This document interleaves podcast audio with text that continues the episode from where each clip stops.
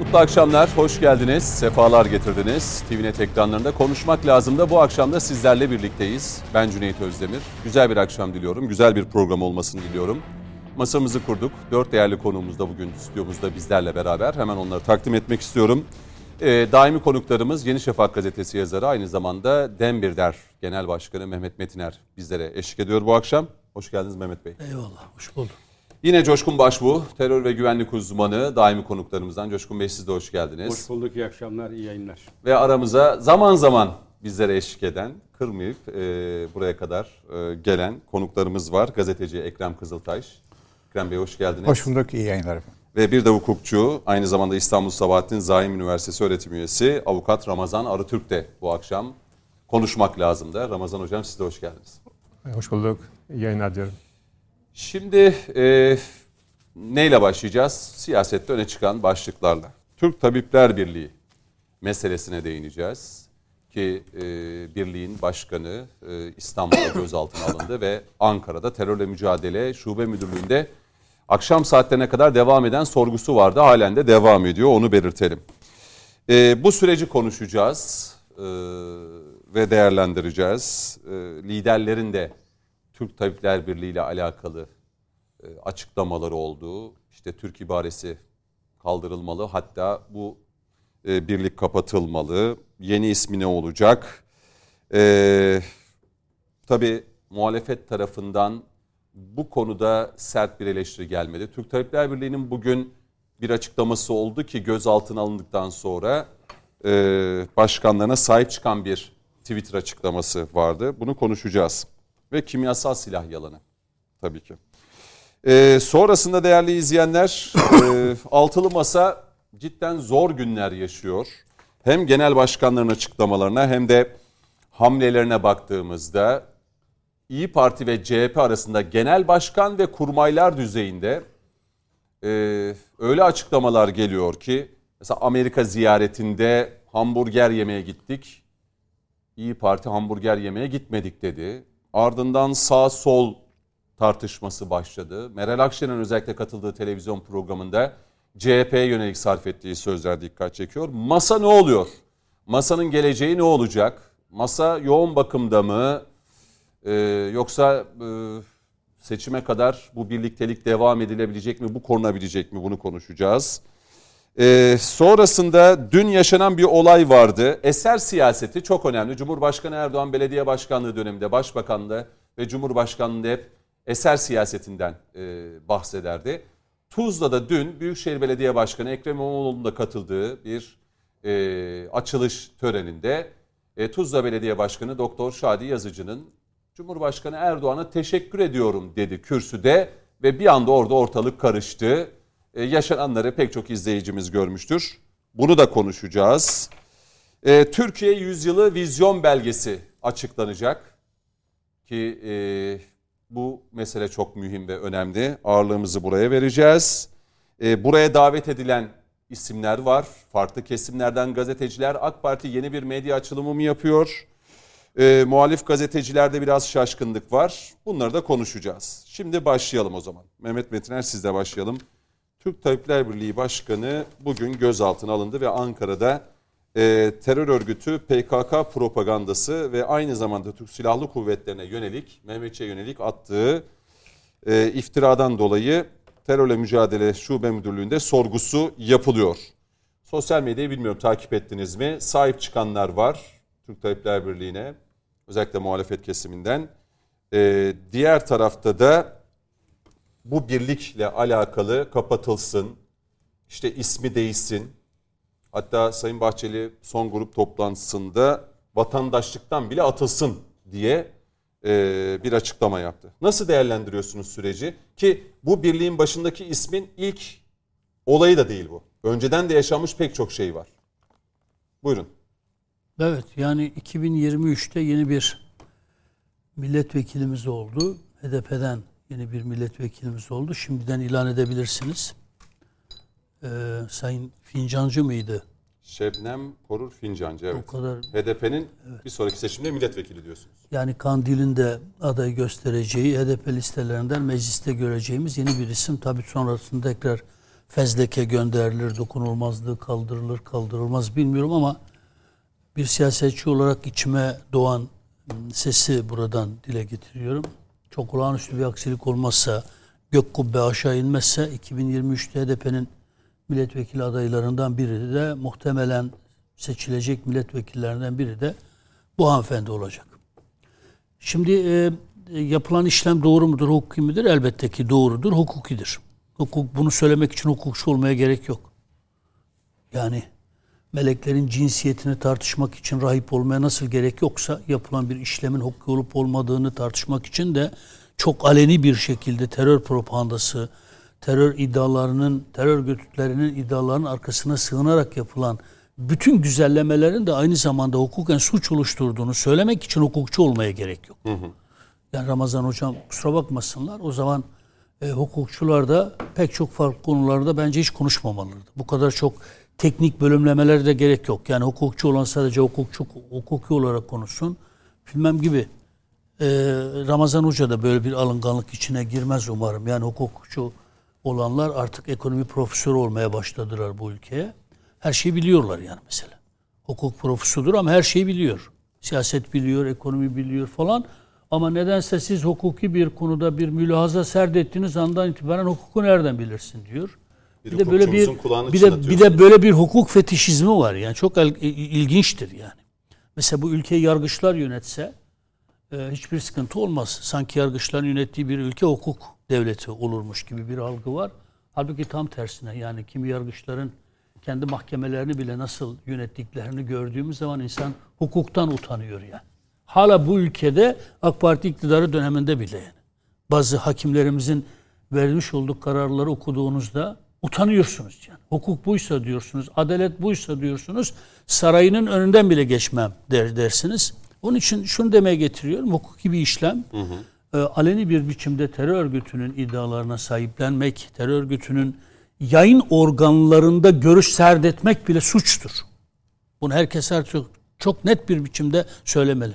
Özgür Özel de eğer PKK'nın yayın organında PKK'yı destekleyen, öven veyahut da bir başka terör örgütünün öven, destekleyen bir televizyon kanalında çıkıp konuşuyorsa, ben de çıkıp konuşuyorsam, bir başkası da çıkıp konuşuyorsa bu suçtur. Ne söylediğinden öte bir suçtur. Yani aleni bir biçimde siz terör örgütünün e, bir kanalında onlara bir biçimde meşruiyet atfedebilecek hiçbir katılıma evet diyemezsiniz yani. Davete hiç evet diyemezsiniz yani. E bir de kimyasal silah kullanıldığına dair bir iddia var. Kim bu iddiayı ortaya atıyor?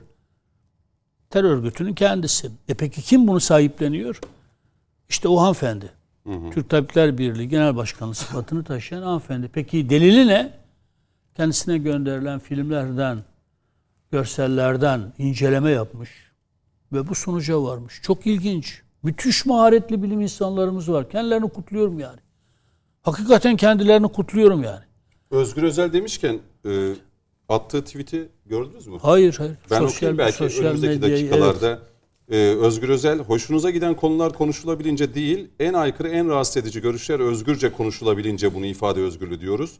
Şebnem Korur Fincancı'nın gözaltına alınması ve onun üzerinden Türk Tabipler Birliği'ne yönelik saldırılar demokrasi görüntüsü değildir. Asla kabul edilemez. Tamam o zaman FETÖ'ye yönelik e, operasyonlarda yayın organları falan televizyonları kapıldığında da böyle düşünüyordu Özgür Özel. Hı hı. Niye şimdi farklı düşünüyor? FETÖ'nün televizyonları kapatıldığında CHP düşünce özgürlüğü aynı evet, mantık çerçevesinde. Hı hı. Tamam. Peki ben Özgür Özel'e soruyorum. Yüreği yetiyorsa cevap versin bana. Ama yüreği yetiyorsa. Hı hı. Türkiye'de DAEŞ propagandasını aleni bir biçimde yapan birisi DAEŞ'in televizyon kanallarında hatta başka kanallarda ben hilafet devleti istiyorum. Ben şeriat devleti istiyorum. Atatürk kafirdir. Cumhuriyet dinsizliktir. Laiklik küfürdür, şirktir. Ey Müslüman ahali niye ayaklanmıyorsunuz dese. Ve sabah akşam, akşam da DAEŞ'in bir takım yalanlar üzerinden e, şey yapsa, propaganda yapsa. Aynı attığı tweet'i o DAEŞ propagandasını yapan kişi için de zat içinde söyler mi? Veya bir başka soru sorayım. Yarın öbür gün kendini kamufle eden birisi milletvekili seçildiğinde herhangi bir partiden Seçildikten sonra da FETÖ'nün e, FETÖ'ye sırtını yasladığını söylese, Pensilvanya'ya sırtını yasladığını söylese, FETÖ'nün bütün argümantasyonlar üzerinden de e, devleti suçlasa, aynı şeyi atar mı, tweet'e atar mı? Şapkaya ne gerek var? Artık şapka kanununa ne gerek var? En Atatürkçüler bile şapka giymiyorlar. Bu şapka kanunun, şapka iktisası hakkındaki kanunun acilen kaldırılması lazımdır diyen Atatürk ilke ve inkılaplarına şiddetle ve hiddetle itiraz eden. Bırak şiddet çağrısını, şiddet çağrısını bir tarafa bırakıyorum. Terör örgütüne bile kendisini yaslamadan sadece ve yalnızca artık Atatürk ilke ve inkılaplarının günümüz dünyasında e, anlamını yitirdiğini, önemini yitirdiğini ve kalkması gerektiğini çok nazik, kibar bir dille çıkıp birisi televizyon ekranlarında savunsa, Özgür Özel Beyefendi onun da konuşma özgürlüğünü bu mantık çerçevesinde savunur mu? Savunmaz. Tam tersine, tam tersine kısılca kıyamet kopartırlar. Ve derhal hakimler nerede, savcılar nerede, niye gözaltına almıyorsun, niye tutuklamıyorsunuz? Hatta Niye istiklal mahkemeleri kurmuyorsunuz? Niye dar ağaçlarına çekmiyorsunuz?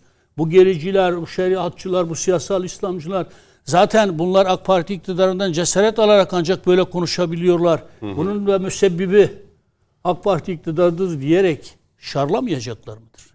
Peki bu PKK sevicilik nereden geliyor? Siz YPG'yi terör örgütü olarak kabul ediyorsunuz.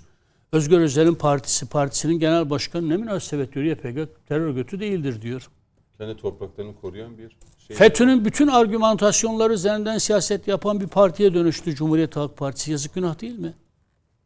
Şimdi şimdi bakınız eğer siz PKK terör örgütünün iddialarının bu şekilde savunucunu yapan birisine demokrasi zırhı giydirecekseniz o zaman DAEŞ'in tezleri doğrultusunda hilafet, şeriat isteyen hatta insanları kutsal kıyama, cihada çağıran çağrılar karşısında da aynı mantığı sergilemeniz lazım. Düşünce özgürlüğü dediğiniz şey eğer buysa.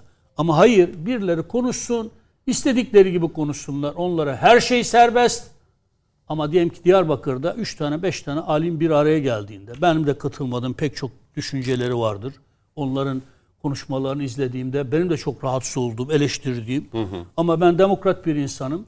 Diyarbakır'da herkes her şeyi savunabiliyorsa o insanlar da sarıklarıyla, cübbeleriyle savunabilmeliler ve özgürce herkes tartışabilmeli.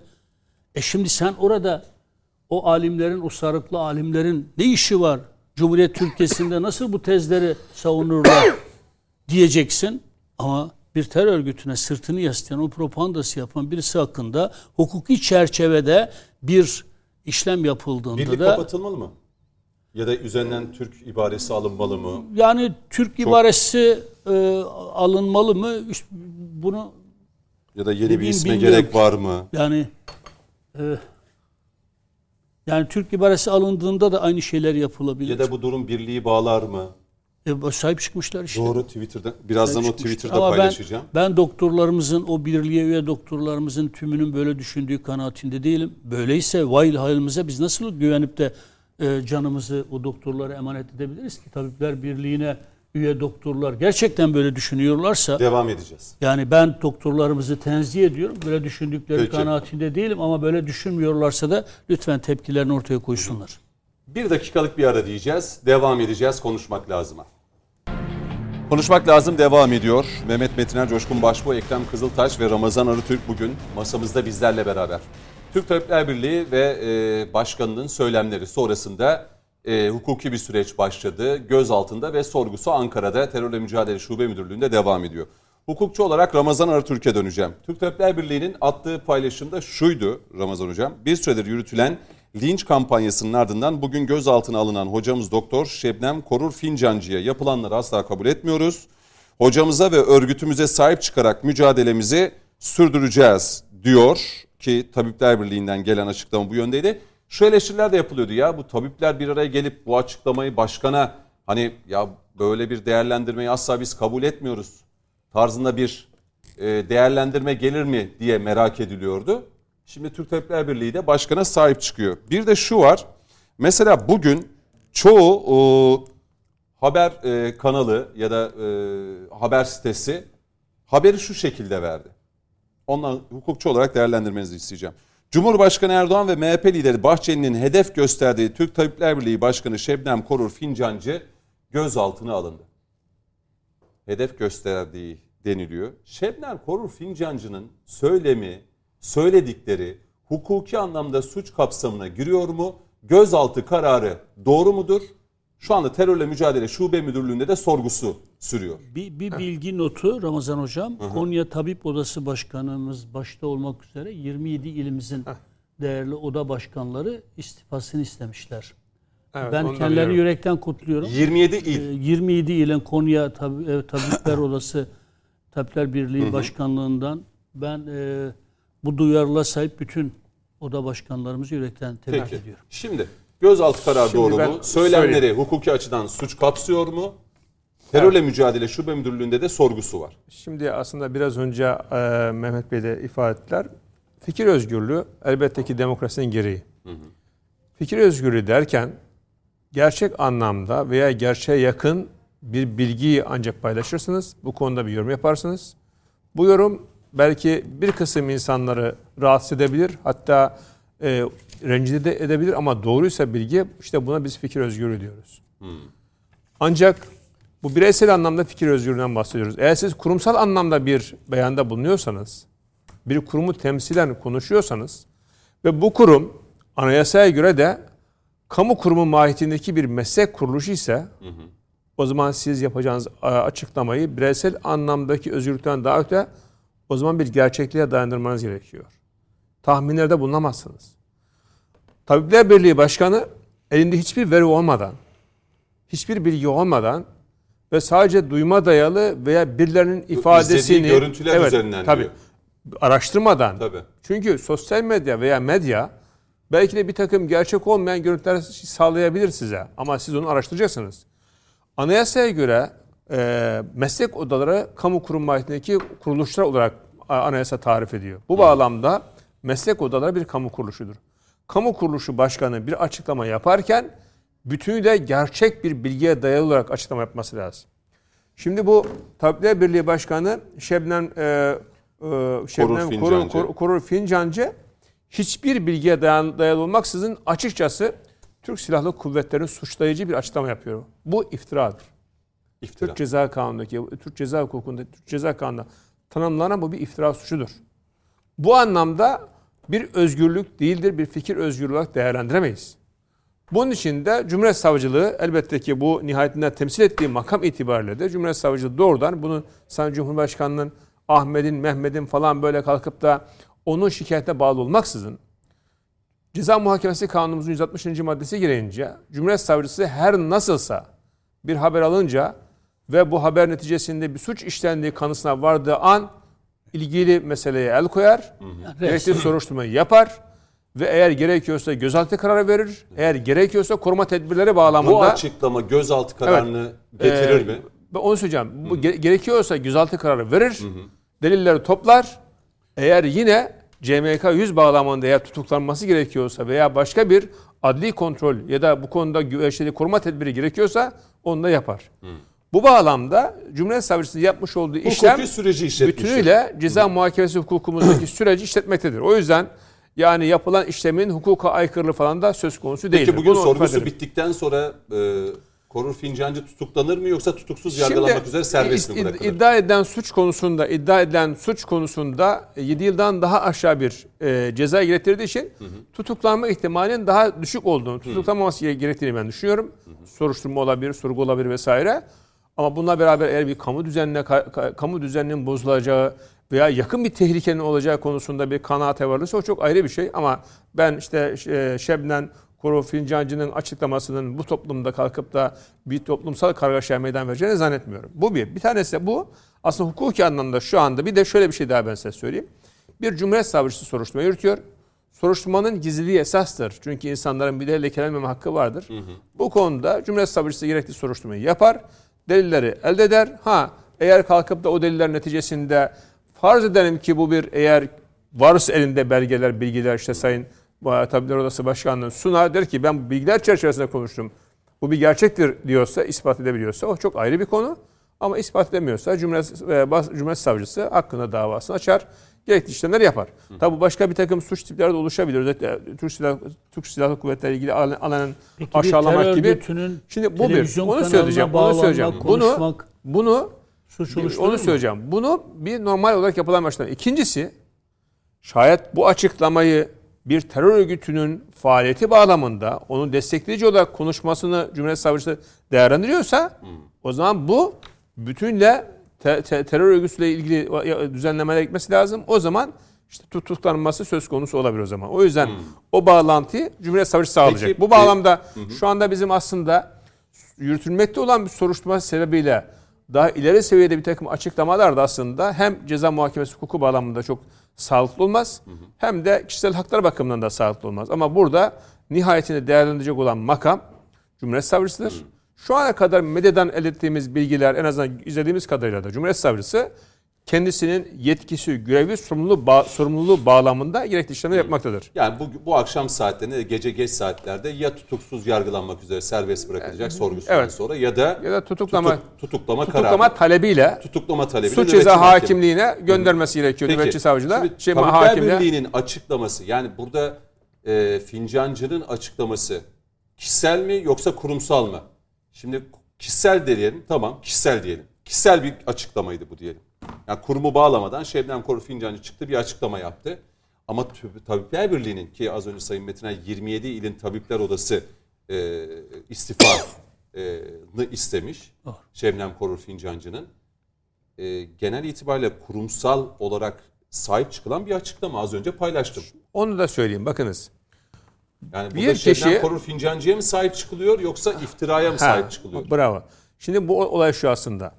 Burada eğer bir kişi bir kurumu temsil ediyorsa Evet. yani biz şimdi Şebnem Kuru Fincancı kim bilmiyoruz.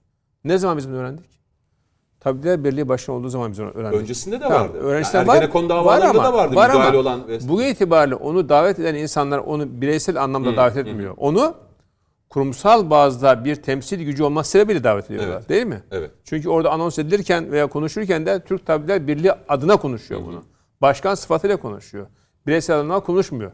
Ha şöyle bir şey söylemiş olsa ya ben başkanım ama ben bu noktada bütünüyle bireysel olarak konuşuyorum demiş olsa söyleyecek bir şeyimiz yok ona. O zaman ayrı bir e, değerlendirme Kurumun yapmak açıklaması gerekiyor. üzerinden bu ne? Evet. Heh. Şimdi burada aslında bu bir kurum anlamında da Türk Tabipler Birliği Yönetim Kurulu da bu açıklamaya sahip çıkıyor.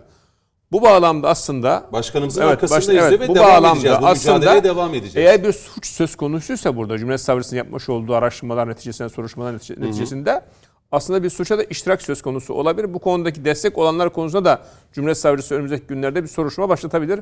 Bunu şu anda tabii ben sadece ön bilgi olarak veriyorum. Elimizde bir delil yok, bilgi yok. Cumhuriyet Savcısının takdirine bağlı. Şimdi ben bu konu bence daha öte bir konuşmak yargıya müdahale konusu olabilir. O yüzden bir hukukçu olarak burada bırakmakta fayda görüyorum. Ancak benim söylemem gereken başka önemli bir takım şeyler var. Bakınız. Bir ülkenin en büyük değeri, en büyük varlığı petrolü değil, doğal gazı değil, efendim kömürü değil, en büyük varlığı yetişmiş insan kaynağıdır. Gelişmiş toplumların temel vasfı yetişmiş insanların olmasıdır. Her alanda. Tıbbi alanda olabilir, hukuk alanda olabilir, gazetecilik olabilir vesaire vesaire her alanda. Çağdaş toplumlarda devlet, çağdaş toplumları oluşturan devletleri de bu yetişmiş insanların bir araya getirdiği toplumlar işte odalardır ya Evet. da barolardır. Onun için bakın anayasa meslek odalarını kamusal bir kuruluş olarak değerlendiriyor. Sebebi ne? Çünkü bu ülkenin en büyük değeri yetişmiş insan kaynağı. Fakat buradaki temelde bir problem var. Temeldeki problem şu. Türkiye'deki meslek odalarının yapılanması 1920'lerden kalma bir yapılanma var. 1920'lerde İstanbul'da toplamda 300 küsür tane doktor var. 400 küsür tane avukat var. Türkiye'de bi- bizi izleyenlere ifade ediyorum veya en azından belki bizi izleyen e, siyasiler de vardır. Türkiye'nin eğer kalkınmasını istiyorsanız, Türkiye'nin gerçekten demokratik olmasını istiyorsanız öncelikle Türkiye'deki meslek odalarında reforma ihtiyaç var. Şu andaki mevcut sistemde odalarımızı klikler yönetiyor. Bugün Türkiye'deki Türkiye'deki orada evet orada yaşandı. Bakın bugün Türkiye'de eminim ki Türkiye'deki doktorlarımızı bir ara toplasak bu Türk Tabipler Birliği Başkanı'nın açıklamasını Bu bence yönetim kurulunu oluşturanların destekleyen bir metin. belki en fazla %5, %10'luk bir kesim Türk Tabipler destekleyebilir. Birliği'nin bu Twitter'daki Evet. paylaşım büyük ihtimal yönetim, Yönetim kurulu üyelerinin Ama geri kalan %90'ı asla bu görüşe katılmaz. Çünkü benim de nihayetinde doktor arkadaşlarım var. Onlar da beni arıyorlar, konuşuyorlar. Nasıl böyle bir şey? Peki niye böyle? Çünkü Türkiye'deki bu oda meslek odaları seçimlerindeki Klikler diyorsun. usuller bir kliği ön plana çıkartıyor. Bir kliğin orada yönetmesine imkan sağlıyor. O Hani bu yüzden- yerli ve milli Ha. kelimeni çok kullanıyoruz. Evet. Maalesef adında Türk yazan ama yani gayrimilli de diyemeyeceğim ama oradan uzak. Yani şimdi Ya bu ülkenin bu faydası seven bu- birisi Mehmetçik ve Türk Silahlı Kuvvetleri'ne böyle bir çirkin iftira atabilir mi? Atamaz. Bakınız biraz önce aslında hani bunu konuşacağız. Diyelim ki böyle bir belge sende varsa, bilgi gelmişse sen Türk Tabipler Birliği'sin değil mi? Genelkurmay Başkanı'na sorarsın özel bir yazıyla dersin ki böyle bir iddia var bunun mahiyeti nedir dersin. Peki bir şey soracağım. Veya Ee, bu konuda Milli Savunma Bakanlığı'na sorarsın dersin ki Milli Savunma Bakanlığı'na böyle bir iddia var. Bu konuda biz Tü- Türk Tabipler Birliği olarak araştırma yapmak istiyoruz. Bunun gerçekliği nedir diye sor.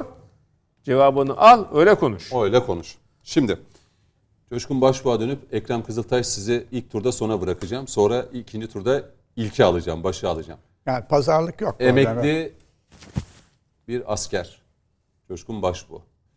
Bu cümleyi ilk duyduğunuzda tabii kendi içinizde, kendi dünyanızda bizim duymayacağımız mutlaka öfke, sinir, kızgınlık pek çok şey olmuştur diye düşünüyorum yani bunu ilk duyduğunuzda. Kanal kapanır.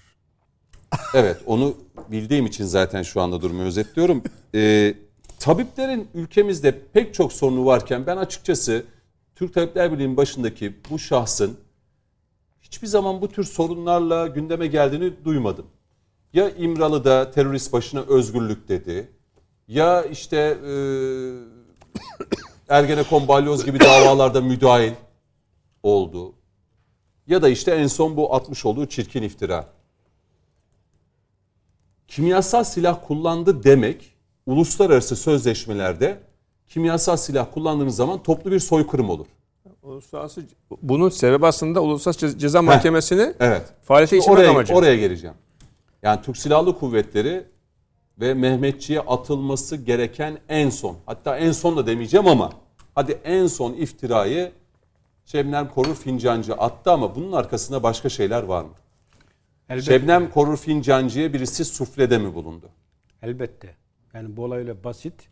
Şebnem, İzmir Barosu'nda da biliyorsunuz bir avukat çıktı kürsüde aynı cümleleri sarf etti. bunlar hep tortudur. Birikir, birikir, birikir bir yere malzeme olur. Ve bunlar bilerek yapılır. Bu bildik standart istihbarat oyunları. Şimdi Şebnem Korur'un neyi koruduğu belli. Asla bu ülkenin menfaati değil koruduğu. Nasıl Tanrı kulu başka yerlere kulluk ediyorsa Şebnem de başka yerleri koruyor. E, ve bu Şebnem'in ilk hatası değil. Bakın bu Şebnem'in ilk söylentisi değil. Daha önce bu tür o kadar çok açığı var ki bahsettiğimiz kişinin. Türk milletinin manevi değerleriyle, devletle, manevi kurumlarla oynayan bir şahsiyeti konuşuyoruz. Besmele ile alay eden bir yapının başındaki kişiyi konuşuyoruz. Aynen şöyle ifade etti raporda. Esirgeyen de yok, bağışlayan da. Bu tüm İslam aleminin en büyük manevi değeri. Bunu yapan kim? Şebnem denilen şahsiyet. Yine Gara'da katledilen o yiğitlere acılarını paylaşıyoruz. Bakın ne terör lafı var, ne PKK lafı var. Ben geçtiğimiz günlerde Yunanistan'a gitmiştim. Atina'da geziyorum. Önde Şebnem. Bu şeyden sonra mı gittin? Yok yok evvelden. Ha tamam. O kadar Miço'ya şey yaptın. Laf Yok eve evvelden. Şebnem Korur Fincancı niye Atina'da?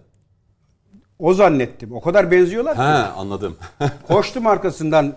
Nedir bu düşmanlığınız ki diyeceğim ama başkası çıktı. Yunanistanlı bir kadınmış. Benzettik. Soracaktık. Affedersiniz Coşkun Bey. O acaba Şebnem Korur Fincancı kadar düşman mıydı diye merak edip sormadı. Değil. Yemin ediyorum bakın hep söylüyorum. Bizim şu an içimizdeki bazı cümleleri, bazı kelimeleri Ermeni, Rum'a söylettiremezsin, cesaret edemez. Eyvallah. Bakın cesaret edemez. Söylemde, söylemediğinden değil. Aklından geçirse de ifade edemez. Başıma bir iş gelir diye. Ama tasma öylesine geçmiş ki, öylesine e, cendereye girmiş ki başka şansı yok. Sufle çok doğru bir tanımdı. Birisi MİT önüne... kumpasıyla bu Geleceğim hepsine. Söylem geleceğim. birbirine Hepsine çok benzemiyor geleceğim. size göre. Hepsine geleceğim. Bakın bunlar tesadüfen söylenen sözler değil. Bir takım mekanizmalar gelecekte malzeme olabilmek adına görevi verirler. Verdiği kişi ve şahsiyette yapmak zorundadır. Yoksa yuları sıkarlar. Şimdi Amerika ne diye Irak'ı işgal etti? Kimyasal silah var. Kimyasal silah var dedi ya. Yarın bugün Amerika hani en kötü senaryo al- aklından geçiremez de bunları gerekçe gösterip kardeşim bunu ben değil koca Türkiye Cumhuriyeti'nin Tabipler Birliği söylüyor. Onun iddiası benim değil dese ne diyeceksiniz? Veya bu iddialar bunun için mi yapılıyor? Evet. Bakın bu kimyasal konusu sürekli dikte ettiriliyor. Birilerine sufle ettiriliyor. Fincancı denilen şahsiyete e, benim tavsiyem şu. Suriye ve Irak'a gitsin. Hani o fincan kadar aklıyla sorsun oradaki insanlara desin ki Türk askeri geldiğinde ne yapıyorsunuz? Amerikan askeri geldiğinde ne yapıyorsunuz? Amerikalı bir köye, bir kente geldiğinde gece ya da gündüz bütün Iraklı Suriyeli hatta diğer coğrafyalar Afrika çoluğu çocuğu kapan şeytan görmüş gibi evine kapanıyor. Korkudan siniyor. Türk askeri geldiğinde gecenin kaçı olursa olsun yatağından fırlıyor. Geldi huzur, geldi barış diye. Bunun biz örneklerini çok yaşadık. Ben bilfiil yaşadım. Onun için Türk ordusuna böyle bir yakıştırmayı yapmak soysuzluktur, alçaklıktır, en büyük ihanettir. Envanterde yok. Dünya tarihinde böyle bir filme bakarak nükleer kullanılmış diye bir tez yok. Ya bunun için özel kitler Türk var. Silahlı özel Kuvvetleri'nin envanterinde de böyle bir şey yok. işte söyledim. Aha. Envanterde yok. Bir filme bakarak düğün sisi mi, sis bombası mı onu bile anlamadan burada kimyasal kullanıyor yalanla sarılmak bir şerefsizliktir. Çünkü bu tür olaylarda sahada ölçümü yapılır, tespiti yapılır ve ondan sonra dersin ki burada şu tip kimyasal kullanıldı ve insanlar bundan dolayı hasar gördü. Ha bu durumda e, niye bunlar yapılıyor? Bakın Şebnem Fincan'ın Az önce Mehmet abi bahsetti. Terör örgütündeki katillere ödül verdiğini unutmayalım. Bakın Bunlar çok önemli hadiseler. Bunlar hep yaşandı, yutuldu, üstü kapatıldı. Yine bizim değerlerle alay eden, manevi değerlerimizi alay eden bir tutum ve tavır içinde olduğunu unutmayalım. Ve yine bakın bu olaydan hemen sonra Köln'e gidip Köln'de bir toplantıya katıldığını ve yine aynı iddiaları dile getirdiğini hatırdan çıkarmayalım. İnşallah savcımız soruyordur. Ben hatta şu tweet'i paylaştım. Bunu söyledi, Köln'e kaçtı, daha da gelmez dedim bu. Demek ki talimat o kadar sıkı ki dön dediler, döndü. Şimdi Köln'de söylediği de ikinci bir suç. Hem de kimle biliyor musun? Peki bu kadar hani bu söyle koca bir tabipler birliğinden diyoruz yani binlerce değil mi? Doktorun üye olduğu. Nasıl seçiliyor bu? Yani hani Şimdi klinikte geleceğim oraya. Bakın Köln'de tekrar söylüyorum. Bu olaydan sonra daha dün Köln'de bir toplantıya katılarak FETÖ ve PKK aynı salondalar. FETÖ'cü kalkıyor bundan sonra terörist demeyeceğim diyor PKK'lılara diyor. Onlar da diyor bir mücadele yürütüyor. PKK'lı diyor ki artık FETÖ lafını kullanmayalım, lügattan çıkaralım diyor. Ve fincancı sahnede. Oturmuş böyle bizler gibi. Hemen yanı başında kim var biliyor musun? Kemal Kılıçdaroğlu'nun asker öğrenci bunlar mazlum diye yanına aldığı bir terör örgütü mensubunun annesi. Çakıroğlu hatırlarsın Melek Çakıroğlu'ydu. Yanlış hatırlamıyorsam. O kişi de o salonda oturuyor. Hep söylüyoruz diyoruz ki ya bu FETÖ denilen öyle bir alçak yapı ki bunun tövbe edeni, bunun pişman olanı yok.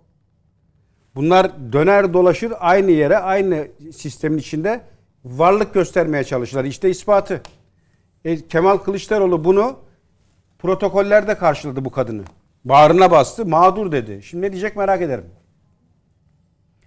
Ve fincancı temsil ettiği kurum Türk Tabipler Birliği. evet. Şimdi bakın üç tane isim. Türk kelimesi ağır bunlara. Onları taşıyamazlar. Bunu ayırdık. Geriye kaldı Tabipler Birliği. Birliği de kaldırat. Çünkü ben ilk gün e, katıldığım bir yayında e, hani haklı olarak feveran ettim. Dedim ki ya bu kadının zaten rolü belli. Görülen, verilen görev belli. İyi de kardeşim 70 bin üyeli bir birlikten bahsediyoruz. Hiç mi bir tane doktor yok? İstifa diyorum kardeşim. Böylesi bir kişinin altında bulunmaktan, anılmaktan kendimi Mehmet Metinen söyledi. Hemen arkasından 27. sağ olsun tabiplerimiz birer birer yağmaya başladı mesajlar. Asla katılmıyoruz diye 27'ye ulaştı rakam ve şu an bunlar mevcut yapıya ve bu bahsettiğim şahsiyete karşı bir duruş sergiliyorlar. Başüstü yerleri var. Takdir ediyoruz. Zaten olması gereken o. Çok Türk enteresan Tabipler olan bir şey Birliği'ni- var. Ee, mesela bu olaydan sonra ben iki gündür bakıyorum sosyal medyada. Ee, salgın döneminde Covid'le mücadelede günlerce, haftalarca, aylarca bizimle yayınlara katılan profesör hocalarımız vardı. Yani sağlıkçı, profesör hocalarımız vardı. Çoğu belki mevzuyu mu bilmiyor, bilmiyorum ama tweetlerine bakınca Şebnem Korur Fincancı'nın ne söylediğini ya bilmiyorlar ya durumun farkında değiller.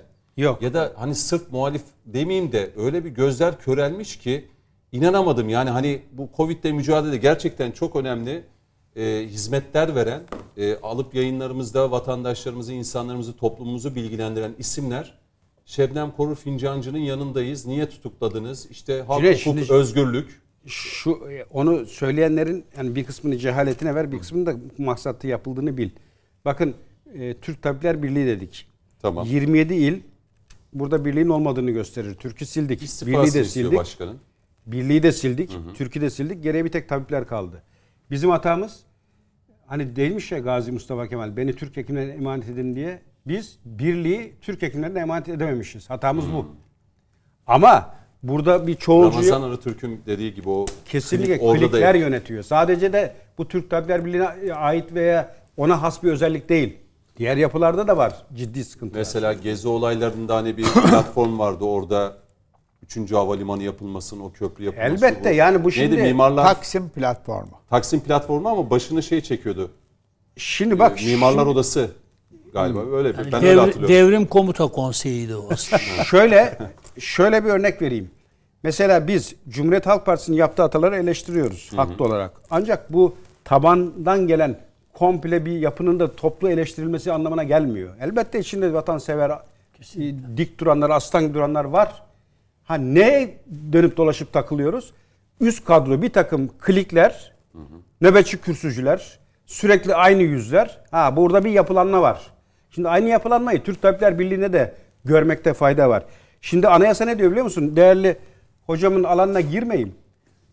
Ek maddeyle hekim haklarını korumak, hasta haklarını korumak ana göre bu. Alanının dışına çıkamaz diyor. Ya kardeşim sen tıp hariç, hekim hariç, hasta hariç her türlü işte iştigalsin. Yönetemiyorsunuz, yönetilemiyoruz diye bağırırken alanın dışına çıkıp suç işlemedi mi? İşledi. Bir tane savcımız buna işlem yaptı mı? Yapmadı. Çünkü Tabipler Birliği hiçbir zaman tıpla, hasta hakkıyla, doktor hakkıyla uğraşmadı. Şöyle bir soru yöneltip Ekrem Kızıltaş'a döneceğim. Birliğin, yo, birliğin e, kapatılması ya da isminin değiştirilmesine siz Şöyle e, evet ya da hayır alayım. kapatılmasına ben e, olumlu olumsuz bir şey diyemem ama bu kişinin bu kadroların kesinlikle görevden alınması gerektiğini söylerim. Cüneyt Bey Çok biraz kısa, önce, şimdi biraz Ekrem önce Kızıltaş'a- söyledim. Bakınız gelişmiş toplumların temeli nitelikli insanlarını bir arada tutacak, onları güncelleyecek bir Evet. mekanizma ihtiyaç var. Odalar ve borsalar bunun için var.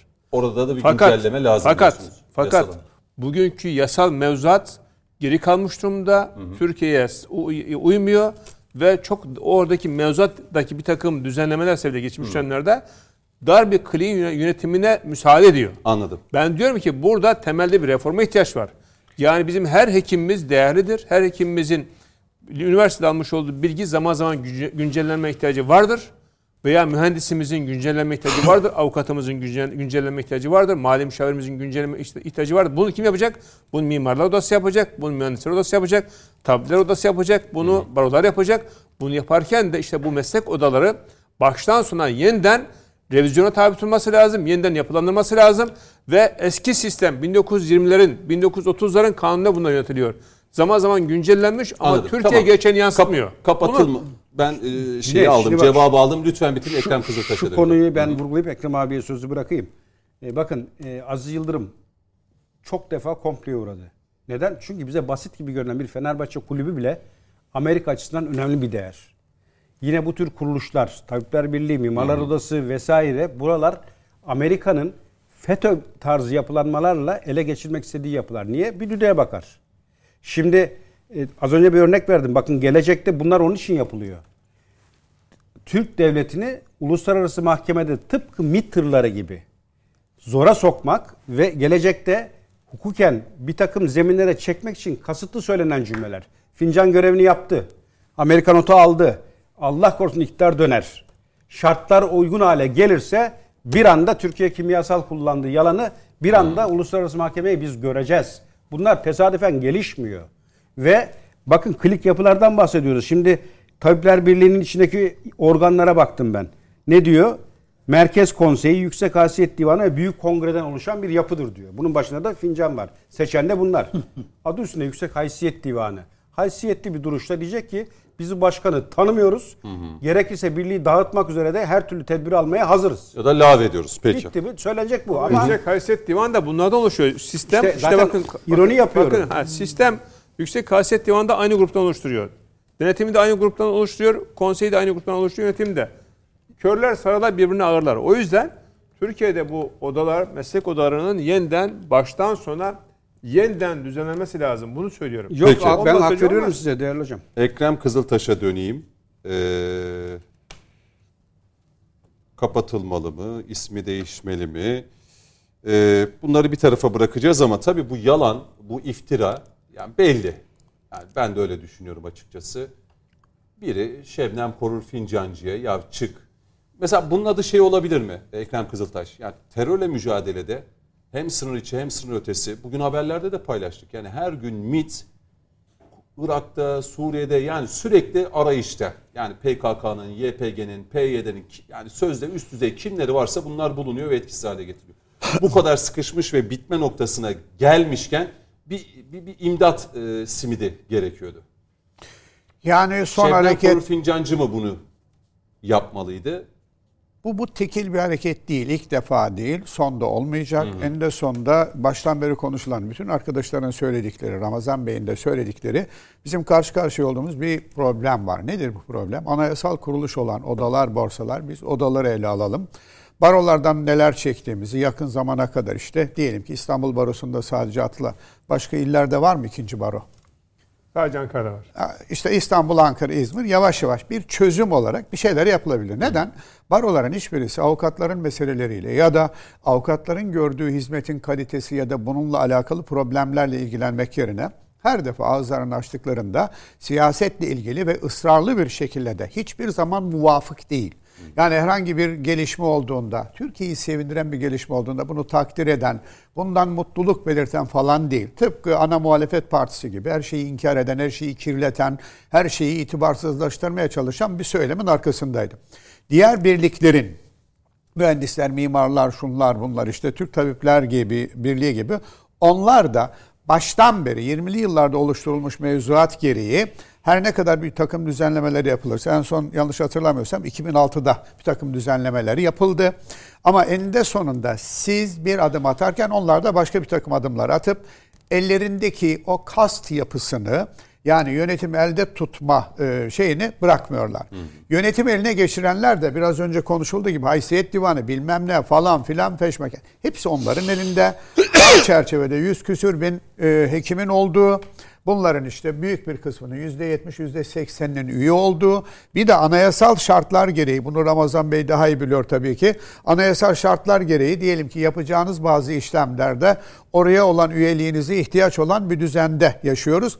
Ve bununla alakalı olarak onlar kendilerine sağlanan bir yerde, bir tür fil dişi kulede yaşayıp hekimlerin gerçek problemleriyle arada bir durmuş saatin günde iki defa doğruyu göstermesi gibi arada bir onunla ilgilenseler de esas olarak Türkiye Cumhuriyeti Devleti'ni e, devletinin kendi ayakları üzerinde durma gayretine karşı çıkan, hani geçmişten beri söylediğimiz manda zihniyeti, güdüm zihniyetini yansıtan bir e, politikayı sürekli olarak tekrar edip duruyorlar. Şimdi mesela son yaptığı açıklama işte kimyasal silah açıklaması ki sonra geri vites yaptı kısmen. Sonra tekrar üzerine gitti falan.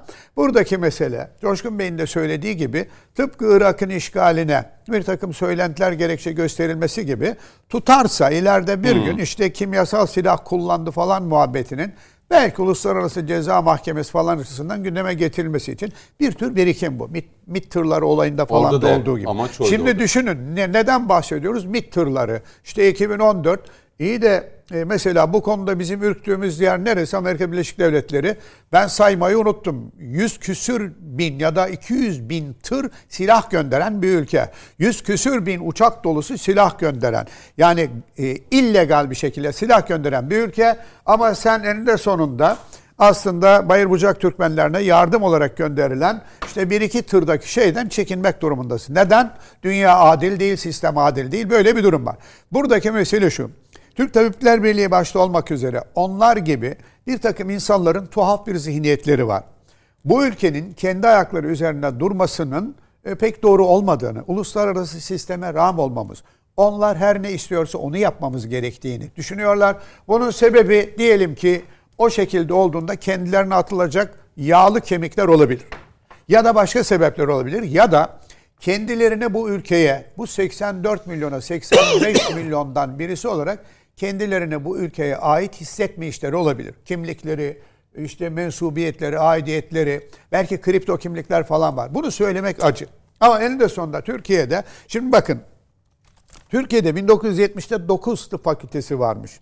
80'de 19'a çıkmış, 90'da 25'e, şu anda 126 tıp fakültesi var.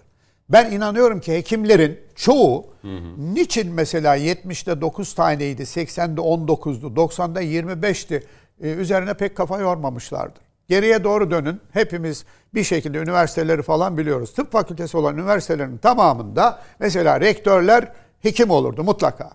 Niye? Oraya göre, oraya göre bir denge kurulmuştu ve bunların çoğu bu ülkede tıp fakültesi açılmasını engellemeye çalışırlardı. Niçin? İhtiyacımız mı yok? Yok halen Türkiye'nin tabip açığı var. Büyük ihtimalle gerçek diyelim ki Avrupa ölçüleri falan filan dünya standartlarına bakarsan açığımız var. Hala mesela tıp fakültesi açılmasına birileri karşı çıkıyor. İlk baktığınızda iyi niyetli gibi ama arka planda vaktiyle ellerinden kaçırdıkları bir kast sistemini belki olabildiği kadar kontrol altına alma kaygısı var. Türk Tabipler Birliği meselesi de diğer odalar gibi e, tuhaf bir mesele. Türk Tabipler Birliği'nin açıklamalarına senin biraz önce söylediğin bir takım insanların naif yaklaşımı, saf yaklaşımı şöyle bir şey. Şimdi biliyorsunuz de- dezenformasyonla mücadele yasası dediğimiz bir yasa çıktı. Geçen gün Ordu'daydık. Üniversite öğrenci, iletişim öğrencilerin, iletişim miydi? Herhalde. Neyse öğrencilerden bir grupla muhabbet ederken birisi çoktu. Çok iyi niyetle. Efendim dedi yani bu tür şeylerde mesela yalan haber şu bu falan konusunu niçin cezalandırıyoruz ki? Eğitim verelim, onları eğitelim dedi. Şimdi baktım çok çok saf bir yaklaşım. Peki dedim iyi niyetle yanlışlık yapanı anladım da kötü niyetle yalan söylüyorsa ne yapacağız? Çocuk dondu kaldı. Neden? Bu ülkede herhangi birisinin, bir gazetecinin, bir siyasetçinin, bir akademisyenin kötü niyetle bu ülkeye kastederek yalan söyleyebileceğini düşünmüyor gibiydi. Şimdi Şebnem Korur Fincancı ile alakalı sahip çıkma gayretindeki birileri aslında Şebnem Korur Fincancı'nın ne yapmaya çalıştığını yani Türkiye Cumhuriyeti Devleti'nin kendi ayakları üzerinde durma çabasına karşı çıktığını, bu ülkeyi bir takım dış güçlere e, peşkeş çekmek niyetiyle bunu yaptığını tam anlayabilseler belki tepkileri değişik Sen, olacak. Sayın Akşener bu düzenlemeyle alakalı e, istibdat yasası çıktı dedi. Yani Allah Bunu ıslah etsin. Allah akıl fikir versin. Şimdi bakın. Bu 29. madde. Dünyanın sosyal medyayla ve internet medyasıyla başı dertte olan hemen her, her ülkesinde en azından beni bildiğim irili ufaklı Amerika Birleşik Devletleri, İngiltere, Almanya, Fransa, Belçika, Hollanda bu ülkelerin tamamında var olan ve bizden çok daha ağır müeyyideleri olan uygulamalar bunlar. İşin Evet. garibi ne? Ben de yalan haber yayarak işte toplumu e, tehevvüre kapatmak falan filan bilmem ne de işte şu kadardan şu kadar ceza dediğimde en çok da Almanya, Fransa, Amerika Birleşik Devletleri, İngiltere ayağa kalkıyor. Bir dakika Hacı abi sizde var. Tamam bizde olur ama sende olmasın. Bir dakika ya. Ha mesela bir şöyle de bir değiş yaklaşımda bulunalım. Alman Tabipler Birliği vardır herhalde. Alman Tabipler Birliği'nden birisi çıksa ve Almanya devletiyle Al- Almanya devletini rahatsız edecek şekilde böyle bir beyanda bulunsa. Sabaha yok. Yok olur. İngiltere'de ya da şurada burada. Şeyi hatırlayın. Can Dündar MİT tırları meselesi deyince akla gelen en güzel örnek o. Can Dündar malum Türkiye'de geldi MİT tırları meselesinde ortalığı karıştırdı. Sonra Almanya'ya kaçtı. O arada turneye çıktı değişik ülkelere. BBC'ye çıktı bir tarih. Herhalde 2016-2017. BBC'ye çıktı. Programın adını unuttum. Orada bu Türkiye'deki yaptığı melaneti savunmaya kalkarken BBC devlet kanalı sunucu dedi ki bir dakika. Bir dakika ya. Evet evet oradaki Sen sen devlet sırrı diye bir şeyi hesaba almadan böyle bir yayın yaptın. Bu yayını Almanya'da, İngiltere'de, İngiltere'de. başka bir ülkede yapsaydın başına çok daha kötü şeyler gelirdi. Efendim o işte ülkenin değil de Erdoğan. Yok dedi bir dakika devlet sırrı diye bir şey vardır. Her ülkede vardır. Bu yaptığını nerede başka yerde yapsaydın başına çok daha kötü işler gelirdi. Şimdi Şebnem Korur Fincancı ne zaman Tabipler Birliği Başkanı oldu? Kaç delegenin oyuyla oldu? Sisteme gelelim. Bu delegelerin işte yüz küsür bin e, tabip arasından 60-70 bin kişinin üye olduğu ildeki birlikler, onlardaki delegeler bilmem ne. Hakim olan, o sistemi elinde tutan kişi bütün sistemi kendine göre ayarlıyor ve iyi niyetli tabipler ne yaparsa yapsınlar Tıpkı daha önce barolarda olduğu gibi, tıpçı, mali şey muhasebecilerde, müşavirlerde olduğu gibi, mimar mühendislerde olduğu gibi o sistemi baştan beri ellerinde tutanlar yönetimi kaptırmıyorlar. Bir izleyicimiz mesela e, yazmış Nesrin Hanım. İyi akşamlar demiş. Muayene muayenehanemizde veya özel sektörde çalışma izni alabilmemiz için Tabipler Odası ve Diş Hekimleri Odası'na üye olma ve her yıl aidat ödeme zorunluluğumuz Hayır var. o ben onu araştırdım. E, doktorlar üye olmadan çalışamıyorlar. Evet. Şu- Yani- şöyle bir şey. Yani anayasal bir kurum. var. Yasal bir kuruluş bu. E, Bir kamu kurumu İşte bu. hayır şöyle bir kanı oluştu. İstifa edin ayrılın kuruluştan. Ayrılamıyorlar. Olamaz ki olan, olamaz. Yani kanunda o kadar enteresan şeyler Şimdi var bakın, ki bunlarla ilgili estağfurullah. Ben uzun yıllar bir gazetenin başındayım. 21 sene. Her Tabipler Birliği seçimleri döneminde, barolar döneminde, mühendisler, mimarlar falan filan her seçim döneminde iki senede bir yapılan seçimlerde seçime bir ay kala benim odam dolar taşardı. İşte bu bu sefer alacağız, aldık alıyoruz. Ben de derdim ki geçmiş ola. Niye? Adamlar baştan beri, Cumhuriyet'in başından beri çalışıyorlar. Siz bir ay kala çalışmaya başlıyorsunuz, kazanamazsınız. Adam sistemini kurmuş. Şimdi tabipler, biraz önce Mehmet söyledi zannediyorum.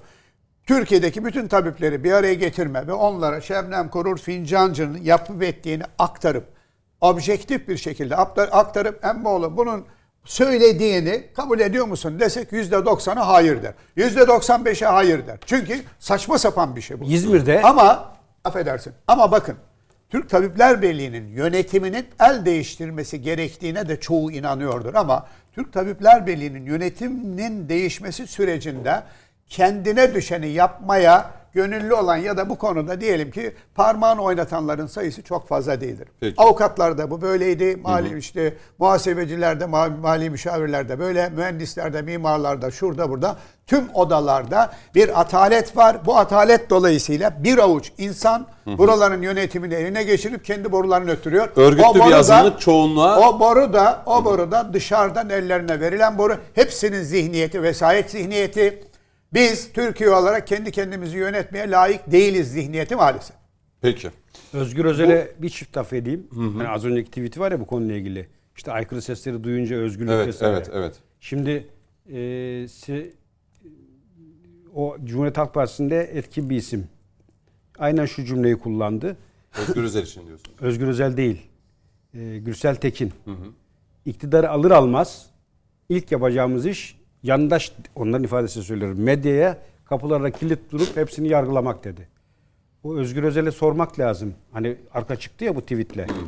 Hani özgürlük, hani aykırı ses, aykırı fikir. Coşkun Orada niye sesin Coşkun çıkmadı? Bey, onların demokrasi anlayışı şudur. Demokrasi güzeldir benim dediğim olursa. Amerika'nın dediği olursa. Hepsi. Ya Peki. da onların dediği Amerikan. olursa. Ee, Başka süreci hukuki bir süreç başladı. Göreceğiz, bakacağız. Hem Şebnem Korur Fincancı'nın hem de Türk Tabipler Birliği'nin geleceği ve tabii ki Ramazan Aratürk'ün de belirttiği gibi Türkiye'de meslek ve odaların e, bu tartışma birkaç yıl öncesinde de olmuştu.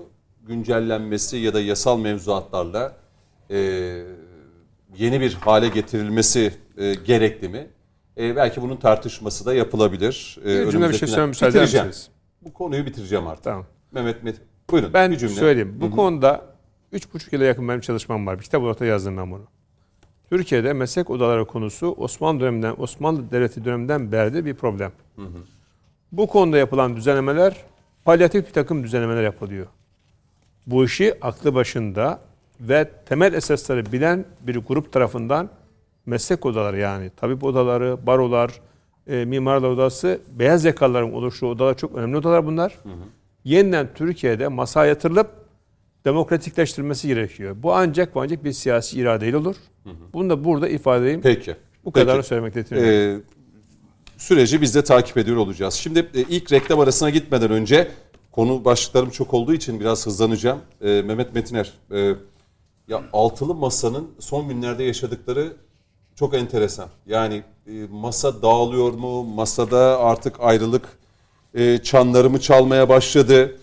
E, dün Meral Akşener'in katıldığı programda e, işte sağcı solcu tartışması oldu. Kardeşim geldik gel dediniz geldik. İşte sağcılık tartışması nedeni yani ne demek yani sağcıysak niye çağırdınız o zaman dercesine CHP bir çıkıştı. CHP tabanına ve seçmenine e, şu cümleyi sarf etti. CHP seçmeni şımardı dedi. Sayın Akşener bunu söyledi. Dün katıldığı televizyon programında. Size göre bu bu artık ayrılık yakın mıdır? Ya bu masada Yani hiç- CHP ve İyi Parti'nin e, baş olabilme adına bir mücadele verdiğini biliyorduk. E, ama bu herhalde masanın dağılmasına sebep olacak gibi. Öyle gözüküyor. Şimdi hiçbir zaman bir olmadılar, bir olamadılar. Dolayısıyla yani e, birliğin olmadığı yerde ayrılıktan söz etmek de çok anlamlı değil. Bir masa vardı, bir masanın etrafında oturan insanlar vardı ama hiçbir zaman e, bir olan bir masadan söz etmek mümkün değildi. Yani farklı kompartımanlardan oluşan bir masa, farklı, farklı siyasal tezleri olan bir masa ama onları bir araya getiren tek sayık Erdoğan düşmanlığı. Sağda, solda anlamını yitiren kavramlar. Kim sağ, kim sol. Ta İdris Küçükömer'den beri, rahmetli İdris Küçükömer'den beri bu tartışılır durulur yani. Sağ soldur, sol sağdır. Yani baktığınız zaman Türkiye'nin en devrimci partisi AK Parti'dir. Yani siyasal statükoyu yeniden inşa eden, değiştirerek inşa eden bir parti Türkiye'nin en büyük devrimci partisidir. Sosyal adalet açısından baktığınız zaman Türkiye'nin sosyal adalet politikalarını batıdaki sosyal demokrat partilerden bile çok daha ileride tatbik eden bir parti AK Parti'dir. Yani solun tezleri aslında AK Parti üzerinde e, şey yapılmış. E peki sol dediğin nedir?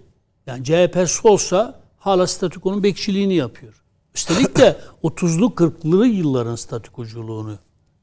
Şimdi statükonun bekçiliğini hem de demode olmuş anakronik bir statükonun bekçiliğini yapan bir partiye sol nasıl denir? Bizim bildiğimiz sol kendini yenileyen, kendisiyle birlikte toplumu yenileyen. Peki sol nedir? Halktan yana olur. Cumhuriyet Halk Partisi'nin iddiası da halkçılıktır. Peki ama Cumhuriyet Halk Partisi'nin şiarı nedir? Halk için halka rağmen. Halk kendisi için neyin yararlı olup olmadığını zinhar bilmez. Kim bilir? Bir avuç zümre bilir. Kimdir o bir avuç zümre? Beyaz seçkinci zümre dediğimiz. Ve de Garamşi'nin tabiriyle tarihsel iktidar blokunu oluşturan bir takım güç odakları. E peki sizin için şapkayı uygun gördük şapka giyin. Ya ben şapkayı sevmiyorum. E giyeceksin. Ya böyle bir böyle bir solculuk olur mu ya? Takke ve zaviyeleri kapattım ama sabah akşam Anıtkabir'e gidebilirsiniz. Orada istediğiniz dilekte bulunabilirsiniz ama herhangi bir şeyhin türbesine gidip dilekte bulunamazsın. Bu gericilik. Şimdi mesela bunu konuşmak bile bakınız düşünceye tahammül falan diyorlar ya. Şimdi ben böyle dedim ya. Kafadan Atatürk düşmanıyım. Kusuyorum Atatürk düşmanlığımı. Tamam var ya. Ya kardeşim diyorsun. Ya türbelere gitmek şeyse kutsamak. Yerin dibinde yatanları kutsamak eğer gericilikse sen yaptığın dik alası ya. Dilekte bulunmak gericilikse sen yaptığın dik alası diyorsun. Bak sadece fikrimi beyan ediyorum ha. Meral Nedeni Akşener'in. Sayın Akşener'in şu cümlesini tam belki bu sağ sol tartışması aslında olayı başka bir noktaya götürüyor. Diyor ki Meral Akşener, bir şımarıklık çöktü ama siyasiler değil. Genellikle CHP'yi destekleyen ve onu tanzim etmeye çalışan insanlarda Doğru. sağcılar diye bir kavram çıktı. Doğru. Masada bulunalım, iktidar kazanalım ama tamamını CHP tanzim etsin. Doğru. Solcular ve sağcılar diye bir şey çıktı. O muhtemelen birçok insanı etkiledi ve ipin ucu kaçtı diyor. Ardından da şunu söylüyor. Masaya davet ettiniz geldik. Sağcı istemiyorsanız davet etmeyin o zaman kardeşim. Çok doğru. Bunu da söyledim. Çok doğru. Üslup buydu. Çok etmeyin kardeşim. Meral. Hanım'a katılıyorum. Zaten Kemal Bey'in kendisi sağcı. Şimdi e, Kemal Bey zaten CHP'yi sağa çekti. Eğer sağ dediğimiz şey hala Cumhuriyet Halk Partisi içinde kendini sol diye tanımlanan arkadaşlarımızın eleştirdiği şey ise CHP içindeki sağın en güçlü temsilcisi Kemal Bey'dir. Şimdi, şimdi siz türbanı, başörtüsünü kamusal alanda, bir başka deyişle dini kamusal alanda görünür kılmaya çalışıyorsanız siz zaten CHP'nin o ideolojisini tepe taklak ediyorsunuz demektir ya. Yani dinin kamusal alanda görünürlük ve de dini simgelerin tırnak içinde başörtüsünü dini simge olarak kabul ettikleri için söylüyorum. Çok teorik bir analiz belki bu ama pratiğe uygulayarak e, noktalayacağım. Dinin kamusal alanda görünürlük kazanmasını sağlayan bir helalleşme, başörtüsü kanun teklifi getiriyorsanız siz zaten CHP'yi sağa çekmişsiniz. CHP'nin ideolojisini bitirmiş. CHP'nin ideolojisi bakınız altı ok ideolojisi. Altı ok ideolojisi. Kaç ok kaldı? kaldı Şudur. orada? Şudur altı. Size göre orada kaç Bakınız ok kaldı? altı ok ideolojisi şudur. Hz. Muhammed'in hayatının yazıldığı bir kitabın dahi basılmasına izin vermeyen bir zihniyettir. Şimdi Kemal Bey çok daha farklı şeyler söylüyor. CHP'li arkadaşlar Kemal Bey ile yüzleşsinler. CHP'nin önünde bir seçenek var. Ya kendini değiştirip dönüştürecek. Yani statükonun Meral partisi olmaktan çıkacak. burada Tabii. Bir bu bir de şu. Yani evet CHP ana muhalefet partisi ama ama yani diğer partiler olmadan da CHP Türkiye'yi tanzim edemez. Dolayısıyla e, solcu geçinen CHP'li bazı arkadaşlarımız şunu istiyorlar. En büyük parti biziz. Biz masayı istediğimiz gibi domine ederiz. Meral İstediğimiz Akşener'de resmen bu çıkışı yani. Ha Meral Hanım çok usta bir siyasetçi. Kendisini tebrik ediyorum. Masayı çok güzel dizayn Peki etti. tabana şımardı demesi O- o da biraz doğru. te- öyle mi? E, doğru tabii canım. Yani ben e, CHP tabanının şımarık davrandığı kanaatinde değilim. Ama Meral Hanım e, yani o Şımardılar diyor. yani e, ama çok şımarıkça davrandıkları ortada. İşte Tuzla Belediye Başkanımıza yapılan davranışı gördük. Yani şımarıklığın ötesi, ötesinde bir küstahlık. Yani şimdi siz Ona Şebnem. Şebnem Hanım'ın bu şekilde konuşmasından hiçbir rahatsızlık duymayacaksınız. Bir terör örgütüne övgüde bulunmasından dahi rahatsızlık duymayacaksınız. Ama Tuzla Belediye Başkanımızın o nezaketiyle tanıdığımız, bildiğimiz kardeşimizin yapmış olduğu bir konuşmayı hoyratla, Teşekkür ediyor ya. Sayın Cumhurbaşkanı Böyle teşekkür şimdi ediyor. bu, bu bu kabul edilebilir bir şey değil. Bakınız o kadar bir tahammülsüzlük var ki emin olunuz, emin olunuz dağ araçlarını kursalar, hepimizi dağ araçlarında assalar bile yürekleri soğumayacak şımarıklıkta insanlar var. Kendilerine hala bu ülkenin efendileri, sahipleri olarak görenler. Yani siz kimsiniz de sandıktan çıktınız diye kendinize her şey sanıyorsunuz diye bize parmak sallayanlar var.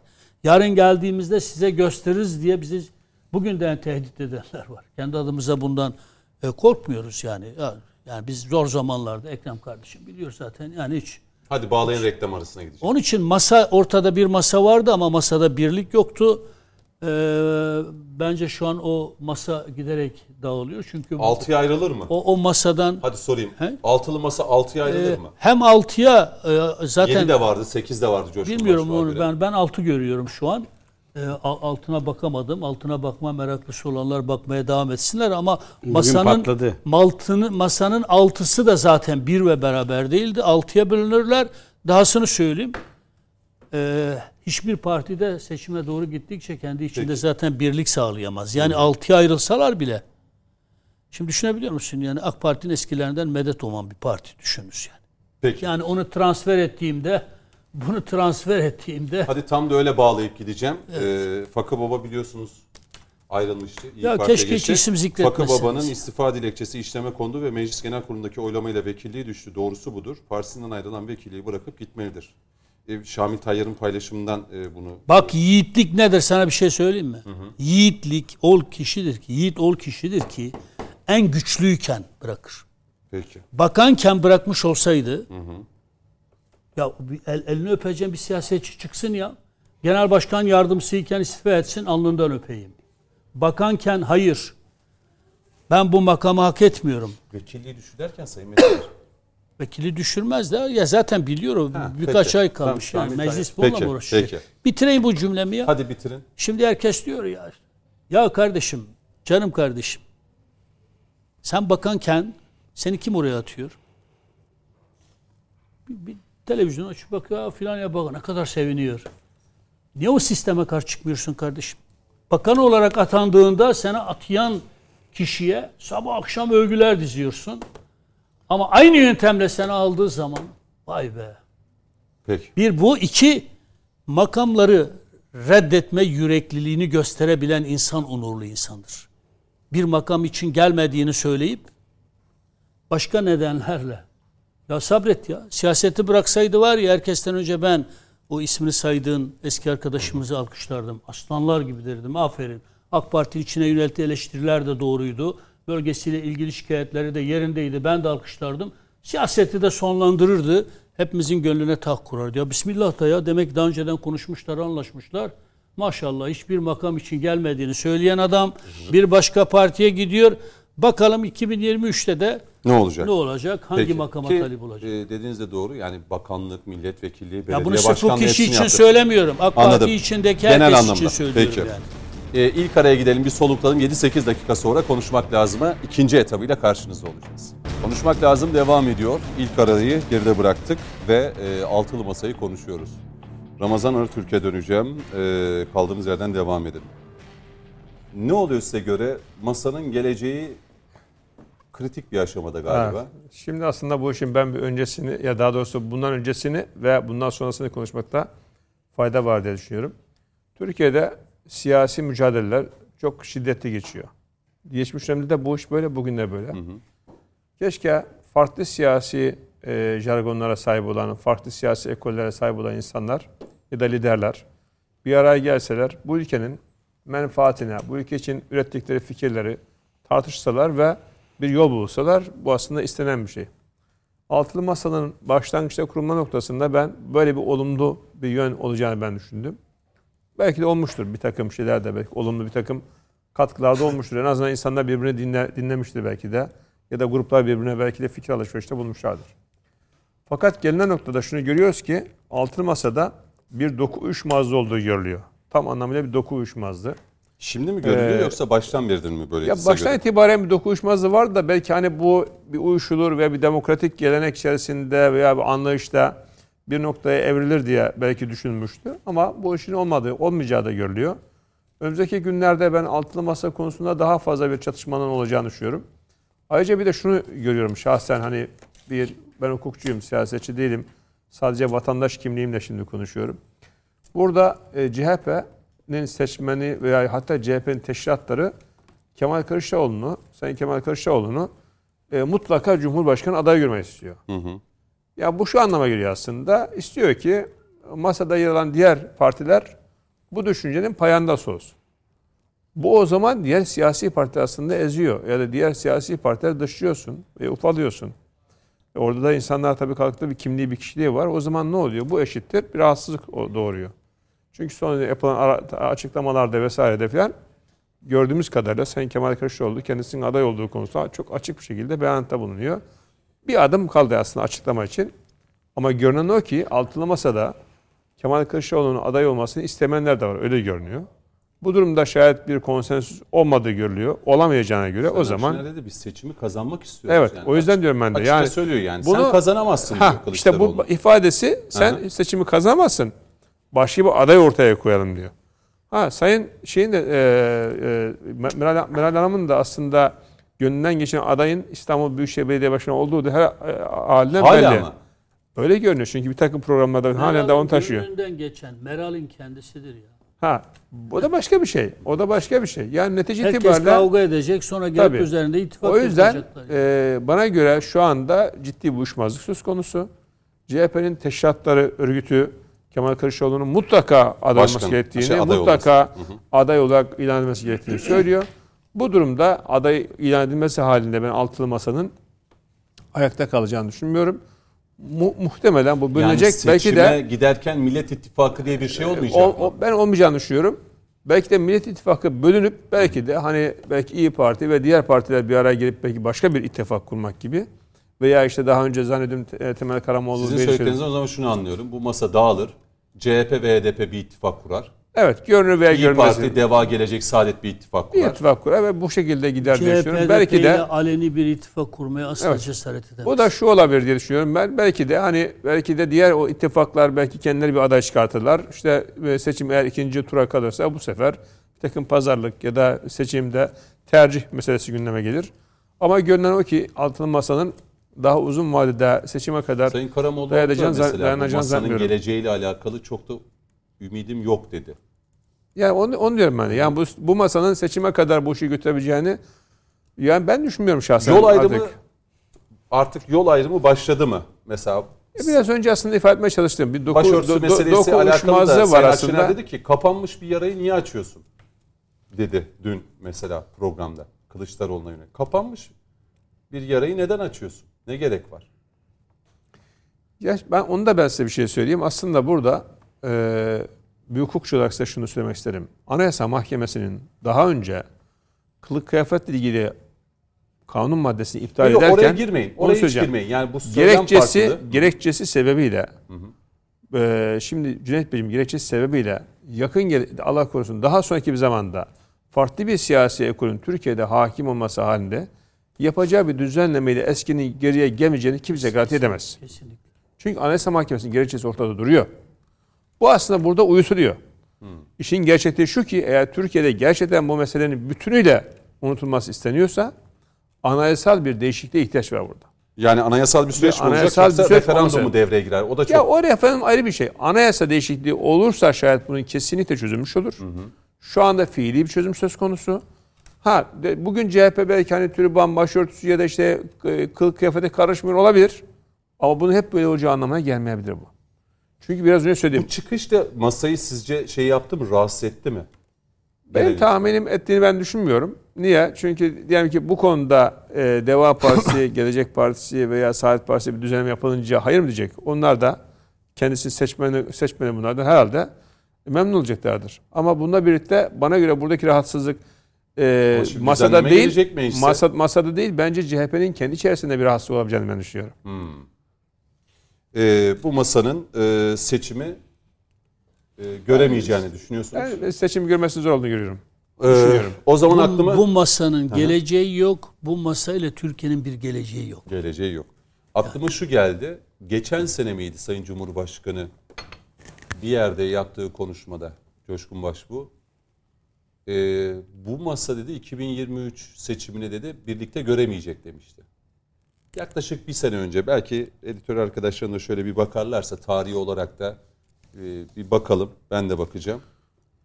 Ee, Ramazan. Eğer, eğer kalkıp bu masa, diyelim ki bütün bu şeylere, düşüncelerimize rağmen veya tahminlerimize rağmen seçime kadar gidebiliyorsa Türkiye'de farklı bir koalisyon döneminde başlangıç olabilir. Onu da ifade edeyim.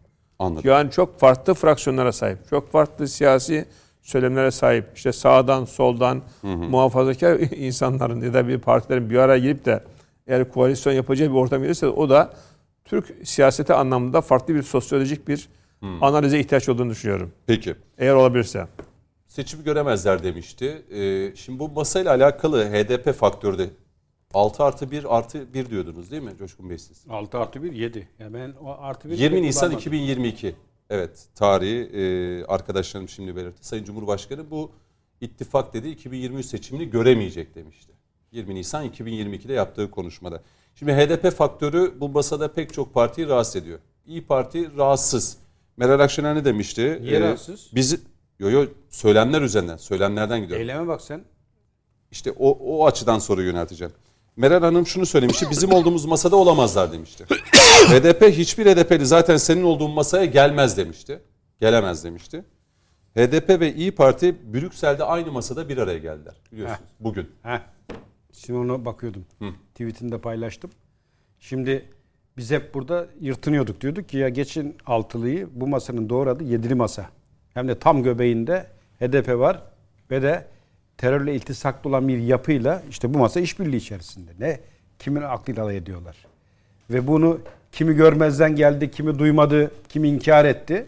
İyi Parti gibi. Ama gerçekler bir bir ortaya çıkmaya başladı. Ve dediğim gibi Brüksel, Brüksel'de aynı masada. Bir cenahında İyi Partililer, diğer cenahında HDP'liler toplantı halindeler. Niye? Şimdi ha niye? Biz ne dedik baştan beri Cüneyt hatırlarsan CHP ve HDP Brüksel'de bir araya gelseydi zaten onlar sadece yo, yo, normal karşılar mıydınız? İyi Parti ve HDP'nin Brüksel'de bir masada bir araya gelmesi yadırganacak bir durum. E, mu? sandıkta bir araya gelenin masada bir araya gelmesini ne yadırgayım? Tezkereye hayır diyor. ikisi bir el ele verip atıyorlar. Dünyanın hiçbir yerinde, bak dünyanın hiçbir ülkesinde bir siyasi parti lideri rakibime oy verin demez. Dediler bunu dediler. Ben siyasetten anlamam işte iki tane Bir oy duayen- bize bir oy. Bir oy bize bir oy karşıya. Bakın dünyanın hiçbir ülkesinde bir siyasi parti lideri kendi partisini bırakıp da rakibime oy verin demez. Veya bunu dese dahi anında aforoz edilir taban tarafından. Bir tepki geldi mi? Yok. Tabandan bir itiraz geldi mi? Yok. Bu söylendi mi? Evet. Ha, do- dolayısıyla kağıda eylemde böyle olunca kağıda gelip de biz asla öyle bir birliktelik düşünmüyoruz, ayrı partileriz gibi söylemlere ben akıl tutulması derim. İyi Parti bunun içinde. Şimdi yedili masayı biz konumlandırdık. Yedili masada hatta birçok öne çıkan işim e, isim Sancar mesela. Gelişmelerden haberdarız. Biz hep bilgi veriyorlar bize dediler. Saklamıyor yani açıktan söylüyorlar. Ama görmeyi bilene. E şimdi masa dağılır mı dağılmaz mı? Az önce kritik bir vurgu yaptın. E, birliktelikten bahsettin. Masada bir birliktelik olur mu yoksa dağılır mı? E, Tabipler Birliği birlik tarafına attık. Yedili masanın birliği birlik tarafına attık. Zaten normal şartlarda eğer siyasetin kuralları oynansa bu masada ilk gün dağılması lazım. Hatta bu masanın hiç bir araya gelememesi lazım. Ben bambaşka şeyleri temsil ediyorum. Öyle iddia ediyorum. Kendimi öyle ifade ediyorum. Ben milliyetçi ve muhafazakarım diyorum. Hemen yanı başımdaki bambaşka çizgilerde. E şimdi bu dokunun birlikteliğini bir, bana biri izah etsin. Biz şu şu şu sahiplerden dolayı bir araya geldik desin. Ha bu masanın çimentosu Erdoğan düşmanlığı o kesin. Bunda hiç tartışılacak bir şey yok. Ve Amerikan sevdalısı bir masayı konuşuyoruz. Dolayısıyla hep aynı yere geliyorum. Bu masayı ancak Kur'an dağıtır. Bu masanın kurulmasına kim karar verdiyse dağıtılmasına karar verecek olan da o mekanizmadır. Haddine mi İyi Parti'nin resti çekip masadan kalkıyorum demek talimat gelmedikçe? Haddine mi CHP'nin masada olay bitmiştir, herkes kendi yoluna demek talimat gelmeden?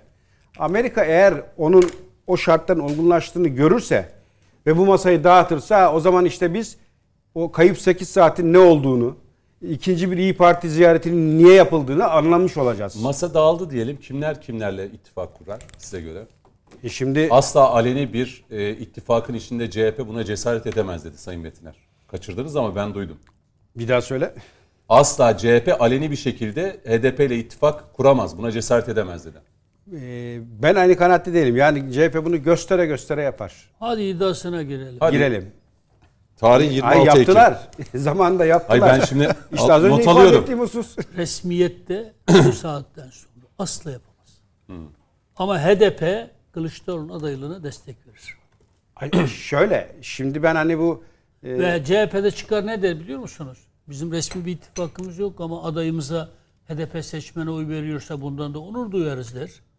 Yani şekilde fiilen yapıyoruz. olabilir ama resmen Tabii, olmaz resmen diyorsun. olmaz. Eyvallah. Bu ha ben hani olmaz. oturup da bir kağıt imzalamazlar Hayır, ama orada ha şimdi Yani AK Parti, MHP, CHP şey Büyük Birlik Partisi gibi olmaz. Öteki partilerin ittifak yapmasını gerektiren bütün e, gerekli şeyler ortadan kalktı. Çünkü niye kalktı? Seçim kanunu değişti. Biri üzerinde ittifak ettiler. Yani o masadakilerin CHP dışında, HDP dışında üzerinde ittifak edecekleri Cumhurbaşkanı adayının hiçbir şey yok ki. Oy karşılığı yok. Bir iki milletvekili düzeyinde ittifak yaptıkları zaman artık oyların kimse bir yararı yok. Niye ittifak yapsınlar ki yani? Yani bu dolayısıyla aslında ittifak zemini ortadan kalktı. orada hem fikiriz. Ha Ben- bir tek masada ortak bir aday çıkarırlarsa masa ki buna ihtimal vermiyorum. HDP'de dışarıdan bunu desteklerse. orada gene benim fikrim O da çok uzak bir ihtimal zaten. Yedili masanın bir ortak aday çıkaracağım ama o masanın iradesiyle değil. uluslararası karar vericilerin iradesiyle ortaya çıkacak bir adayı elbette destekleyecekler. Sayın Bu büyük Kılıçdaroğlu diyor ki deneyin olur. görün diyor ya. İşte bak Deneyin görün. Deneme, Ha. idare, deneme yanılma tahtası değil ki Cumhurbaşkanlığı ya. Şimdi- Bu ülke yönetilecek ya. şunu ifade etmekte fayda var. Beni deneyin. Şunu Böyle ifade şey etmekte fayda var. Şeyde e, Mehmet abi güldü hatta ben onu söylediğimde e, bir başka programda dedim ki Amerika için dedim hani yedisini birden çağırmaya gerek yok. Bir tanesini çağırır, talimatını verir, gönderir. Dedi ki icazet almaya gitti, başka şey mi? Ben de baştan beri hep talimat almaya gittiği söylemiştim. Hatta gerekçelendirdim. Yani eskiden istihbari anlamda at koşturan Amerika FETÖ bitti. Şimdi attığı her adım, aldığı her nefes takip ediliyor. İstihbarata temel kuraldır. Bu yüz yüze, üçüncü kişinin olmadığı bir ortamda neyse talimat o verilir. Telefonla olmaz, kuryeyle olmaz. Yüz yüze. Bir siyasi Ve- milletine beni deneyin görün İşte demeli mi? Onu, onu diyeceğim. Böyle bir, böyle bir siyaset olur mu ya? Şimdi Beni deneyin gör. e, Ya herkesi denediniz bir de beni deneyin diyor belki şey Sayın? Kılıçdaroğlu. Bunu sadece- Çaresiz kalırsa der. Ne Bunu sadece ki? Kılıçlar mı söylüyor? Hiç sessiz tepkiyle beni deneyin diyen bir Akşener yok mu? Dolaylı o da söylüyor. Sayın Akşener başbakan olacak. Niye biliyor musun? Ee, şimdi hani benim şahsi okumam Amerika karar safhasına yaklaşıyor. Birine karar verecek. Amerika'da tutup eldeki jokerleri, eldeki tuttuğu kişileri o gelişen siyasete göre konumlandırıp son kozunu oynamak üzere sahaya sürecek. İşte burada aslında oraya doğru bir e, mail etme, oraya bir kendini gösterme başladı. Hani bir de beni deneyin bize mi yoksa gelelim sen anla Amerika mı? Onu iyi konumlandırmak lazım. Gelin burada Amerika mı? Onu iyi anlamak lazım. Peki Amerika'ya talimat almaya gittiyse bir istihbaratçı olarak sana soruyorum. Ne talimat aldı da döndü? İşte onu konumlandırmak hakikaten zor Mehmet abi. Yani Yani onu da söyle ki onu da bilelim bizim ya. bizim lafımızı e, lafımız yere düştü. İkinciyi çağırdılar. İyi Parti hemen arkadan geldi. talimat Burada ayrılıyorsunuz Ha? Sayın Metiner'le. Coşkun Başbuğ.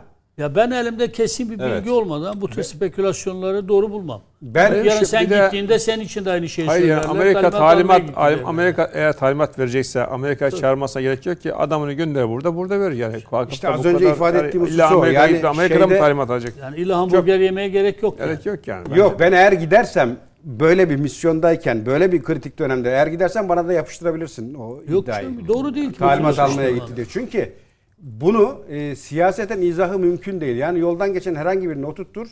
Böyle bir dönemde gider misin de alay mı Yok tamam o tarafı bir tarafa bırakalım. Şimdi ikinci yapı gitti. Burada esas e, bana göre kritik konu şu. Adayın kim olacağı.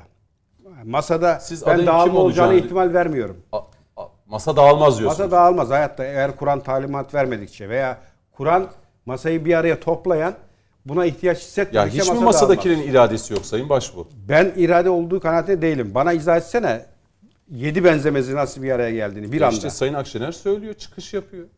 Ya bunlar Kılıçdaroğlu diyor aday ben olacağım diyor. onu diyen e, Akşener Brüksel'de toplantı halinde. Ne toplantısıdır onu bir şey yapar mısın? Tamam ona da bakalım. Toplantı nedir? Tamam oraya da bir O bakalım. bugün düştü medyaya. Hadi bitirin Ekrem Kızıltaş'a döneyim hızlanacağım. Ya Türkiye yüzyılı ve Türkiye adına- yüzyılına geçeceğim. Yo, yo, bugün düştü medyaya. bir işte Görün- nedir yani? Nedir Görüntülü. Brüksel'de HDP'lilerle İyi Partiler bir toplantı Nedir işte, gerçekleştiriyorlar. ne o? Yani- İçeriğini bilmiyorum. İşte bilerek konuşmak yani Ondan sonra e, ve bu birliktelik şu an sosyal medyada en çok tartışılan toplantı ve iki taraftan da bir itiraz gelmedi şu ana kadar. Hani biz şu maksatla masadaydık veya şunu görüşmek üzere bir araya geldik. Konu saptırılıyor falan denmedi. Ama benim burada hani gene aynı noktadayım. Ee, burada Söyleyeyim, aydınlatayım. Avrupa Parlamentosu Türkiye raportörünün öncülüğünde HDP Diyarbakır Milletvekili Hişari Özsoy, İyi Parti Genel Başkan Yardımcısı Ahmet Erozan, Amerika'ya giden heyetin başındaki isim, Deva Partisi Dışişleri ve Güvenlik Politikaları Koordinatörü Abdurrahman Bilgeç, Gelecek Partisi Genel Başkan Yardımcısı Ümit Yardım eee, ve siyaset bilimcilerden oluşan bir heyet Brüksel'de bir araya gelmiş. Ama işte bu bir davet üzerine. Türkiye Büyük Millet kurumsal Meclisi'nde de- kurumsal bir ta- ta- şey var, talep Evet. var, davet var. Şimdi biz şöyle bir şey söyleyeyim. Bir Ya tasvir- bu da eleştirilebilir Ya tabii, ayrı ama bayrak- meclis çatısı altındaki Şimdi şeyler bunlar bir yani de- zaten. Mecliste de bir araya Ee, geliyor. ayrıca bir de bakınız biraz bir önce biz e, Tabipler Birliği Başkanı'nı eleştirdiğimiz bir konu var. Sosyal medyada bir haber görüyor. Gerçekmiş gibi bunu algılayıp bir hüküm kuruyor.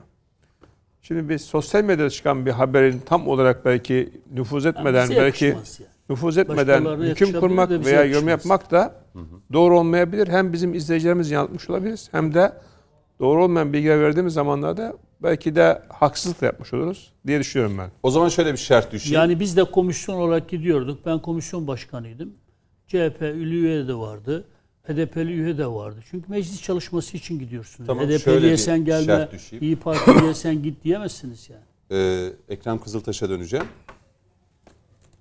Türkiye raportörü en son Avrupa Birliği yani Türkiye raportörü bu e, şahıs öyle bir rapor hazırladı ki yani şu son raporu okusanız burada AK Partili MHP'li bir isim de yok. Milletvekili de yok. Ee, Niye HDP ve İyi Parti? HDP, İyi Parti, DEVA ve Gelecek'ten oluşan. E, Bunun da altını çizeyim. Yani burada AK Parti, MHP'den isimler de olabilirdi. E, onlar yok. E, ki izleyicilerimize de buradan söyleyin. Tür Avrupa Birliği Türkiye raporunu hazırlayan ismin son raporunu açıp internette baksınlar. FETÖ ve PKK güzellemelerinden tutun da her şey o raporda yer alıyor. Masadan Bu kalkan var çok mı? güzel. Dışişleri Bakanlığı'ndan da öyle bir bir tepki bilgi. geldi ki bunun Tabii. da altını çizelim. Çok güzel. E, dolayısıyla hani burada parlamentoda görevli olan milletvekilleri elbette bu tür e, davetlerde giderler. Orada konseyde Avrupa Parlamentosu konseyinde bir araya gelirler vesaire. Hani Türkiye'yi temsilen gidiyorlar. Ama burada Çok ince doğru. bir ayrıntı var. Onu belirtelim. İşte zaten benim demek Bu önemli bir bilgi mesela. Bunun üzerinden her türlü eleştiri yapabiliriz. Be- Benim Ya mesela biz İyi Parti'den sonu beklerdik. Ya Türkiye düşmanı bir rapor hazırlanmış. Başkalarının da katılacağı bir şeye sizin katılmamanız, milliyetçiliğinize yakışmaz. Eleştirebilirsin. HDP'nin de katıldığı, HDP'nin de tezlerinin savunulduğu bir Evet. rapora itiraz etmenizi bekle. Bek ya bu eleştirilebilir. Ama münhasıran bir araya gelmeyi başka vesilelerle de olabilir. Ama bu rapor ekseninde sırf hükümeti suçluyor diye bir araya gelmek şey değil. Mehmet Peki. abi iyi niyetli düşüne düşüne bu hale geldik. Ekrem Mesela Kız- Miçotakis Valla biz düşünüyoruz sadece. iyi niyetli, He, kötü niyetli niyetli değiliz. düşünüyoruz. Biz yani olanı eleştiriyoruz. Hayır, e, Doğruya da doğru diyoruz. Hiç oralara girmeyin. Miçotakis'e falan e, Türkiye Hayır vizyon... şimdi gireyim. Yo yo girmeyelim Coşkun Bey lütfen. Bak İmamoğlu Sürem daralıyor. İmamoğlu gitti Atina'da resmi protokolle karşılandı. Tamam, onlar- Sen şimdi düşünebiliyor musun? Yunanistan'dan bir tane siyasetlerin böyle önemli ismi Türkiye gelecek. Türkiye ile böyle dostane ilişkiler kuracak. Yunanistan ayağa kalkar. Tunç Soyer de onu yapıyor genellikle. Karşıdan belediye Zaten- başkanlarıyla bir araya geliyor. Ekrem Kızıltaş'a döneyim. Bir 6-7 dakika vereyim. Sonra e, Türkiye Yüzyılı bölümüne gidelim. Bu Eyvallah. önemli. Buyurun. Bu altılı masanın geleceğini siz nasıl görüyorsunuz? Evet, altılı masa var mı yok mu diye belki soru sormak lazım. Aykırı bir soru gibi. Altılı masa diye bir şey var. 6 artı 1, 6 artı 2, altılı, yedili, sekizli değişik yorumlar var. Altı partinin yanında HDP'nin artı FETÖ'nün de olduğu rivayet edilen bir masa var. Ama tuhaf olan şu, altılı masanın bir araya gelme sebebi olarak şu ana kadar yapılan açıklamalardan altı çizilebilecek iki husus var. Bir, açıkça söyledikleri parlamenter sisteme dönüş arzusu güçlendirmek ya da iyilendirmek falan filan iyileştirmek gibi bir takım argümanları var. Ne olduğu konusunda kendi fikirleri de olmadığı için zannediyorum şu ana kadar açıkladıkları bir şey yok. Şimdi altılı masayı oluşturan artı bir ve ikiyi bir kenara koyalım. Partilerle alakalı mesela temel sorular. Bir, bütün partilerin HDP ile yan yana görünmek konusunda ciddi problemleri var. Cumhuriyet Halk Partisi'nin var, HDP şeyin, İyi Parti'nin var, diğer partilerin falan da var. Şimdi diğer Deva ile geleceğin yok ama. Ha yani Onlar- onlar ihtiyaç şey hissetmiyorlar yapmıyorlar. belki. Ee, var olduklarını varsayalım. Ama mesela diyelim ki e, oradaki partiler arasında Cumhuriyet Halk Partisi ile e, diğer partiler arasında mesela temel ekonomik bakış olarak kamusal sektöre ağırlık vermek ve özel sektöre ağırlık vermek açısından ciddi problemler var. Babacan'ın bu konuda itirazları vardı biliyorsunuz. Yani e, aramızda bu kadar büyük farklılıklar olursa insanlar bize nasıl inanır gibisinden bir yaklaşım vardı. Yine altılı masanın parçalarından birisi olan Saadet Partisi biliyorsunuz 2018-2019'dan itibaren İstanbul Sözleşmesi'ni e, Adalet ve Kalkınma Partisi'ne muhalefetin en ciddi argümanı olarak seslendirip durdu. Hemen her konuda vurdu vurdu. Şimdi geldiğimiz noktada 2000 e, yani şu an itibariyle İstanbul Sözleşmesi'nden çekildi Türkiye ve tuhaf olan ne oradaki partilerin altılı masadaki 5 partinin herhalde tamamı da iktidara gelir gelmez 24 saat içerisinde İstanbul Sözleşmesi'ni uygulayacaklarını deklar ettiler. Bu arada Saadet Partisi'nden ben herhangi bir açıklama görmedim. Şimdi tuhaf olan şu. AK Parti muhalefeti yapmak için en önemli argümanlarından birisini diğer ortakların savunması konusunda e, niye sessizlik var? Bu tuhaf bir şey. Bunun gibi aslında altı partini partiyi bir arada görmemizle alakalı detaylara girdiğimizde çok tuhaf farklılıklar var. O zaman ikinci mesele bir parlamenter sistemde öbürü de ne? Hepimiz dillendirdik. AK Parti ve Recep Tayyip Erdoğan husumeti, düşmanlığı ne dersek deyin ona böyle bir şey var. Burada tuhaf olan da şu. Altı partinin beraberliğinde baktığımızda esas eksik olan şey şu. Ayrı ayrı beraberce bir takım şunlar bunlar ama en de sonunda Türkiye Cumhuriyeti'nde yaşıyoruz. 2022 senesindeyiz. Bu ülkenin var olan bir takım şeyleri var. Bir takım problemleri var. İşte geleceğe yönelik olarak yapılması gereken şeyler de var. Dolayısıyla mevcut durumu okuyan, bunun bir envanterini çıkaran, var olanları takdir eden ya da eleştiren, eksikliklerini işaret eden ben gelirsem ya da biz gelirsek biz mesela pahalılıkla ilgili şunu yapacağız. Döviz e, politikasıyla alakalı bunu yapacağız. Dış problemlerle alakalı şunları şunları yapacağız falan. Yani bir takım açıklıklar gerekir. Şu anda ben altılı masa mevcudu hiçbir partinin içinden bu konuda açık ve net hiçbir beyan duyduğumu hatırlamıyorum. Şimdi biraz önce Coşkun Bey söyledi. Mesela e, tezkere meselesi çok ciddi bir mesele.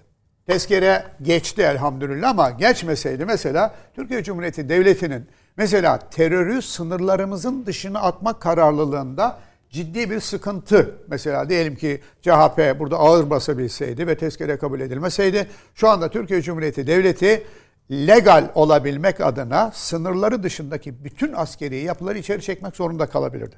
Bu bana şunu hatırlatır. Allah korusun yarın öbür gün bir kırılma olursa bugün o tezkereye hayır diyen zihniyet Allah korusun iş başına gelir de bütün bu askerleri geri çekerse Türkiye e, ondan kısa bir süre sonra şu anda dahilde 3 mü 5 mi 7 mi 10 mu olduğunu tartıştığımız teröristlerin cirit attığı ve maalesef e, hemen e, sürekli olarak terör olaylarının yaşandığı bir hale dönüşebilir. Çekerse bu, çekeceğim diyor. Eyvallah. Bu, bu, bu işin bir tarafı. Öbür tarafı şu.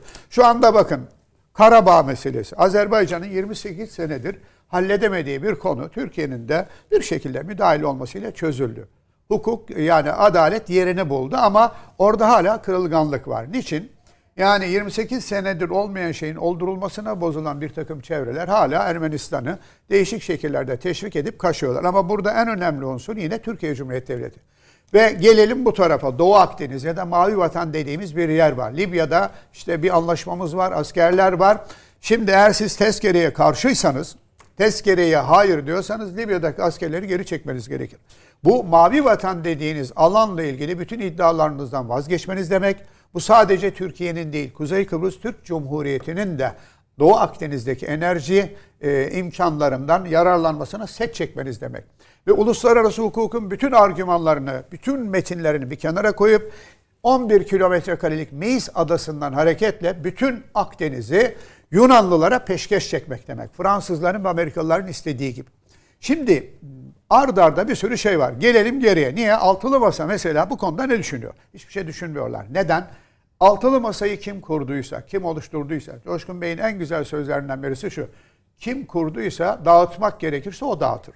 Dolayısıyla altılı masa büyük ihtimalle aksini tabii ki temenni ederiz. Hı hı. Ama altılı masa eğer onu kuran irade onun seçimlere kadar ya da sonrasına kadar var olması gerektiğini düşünüyorsa var olacaktır. Ama işin güzel tarafı şu.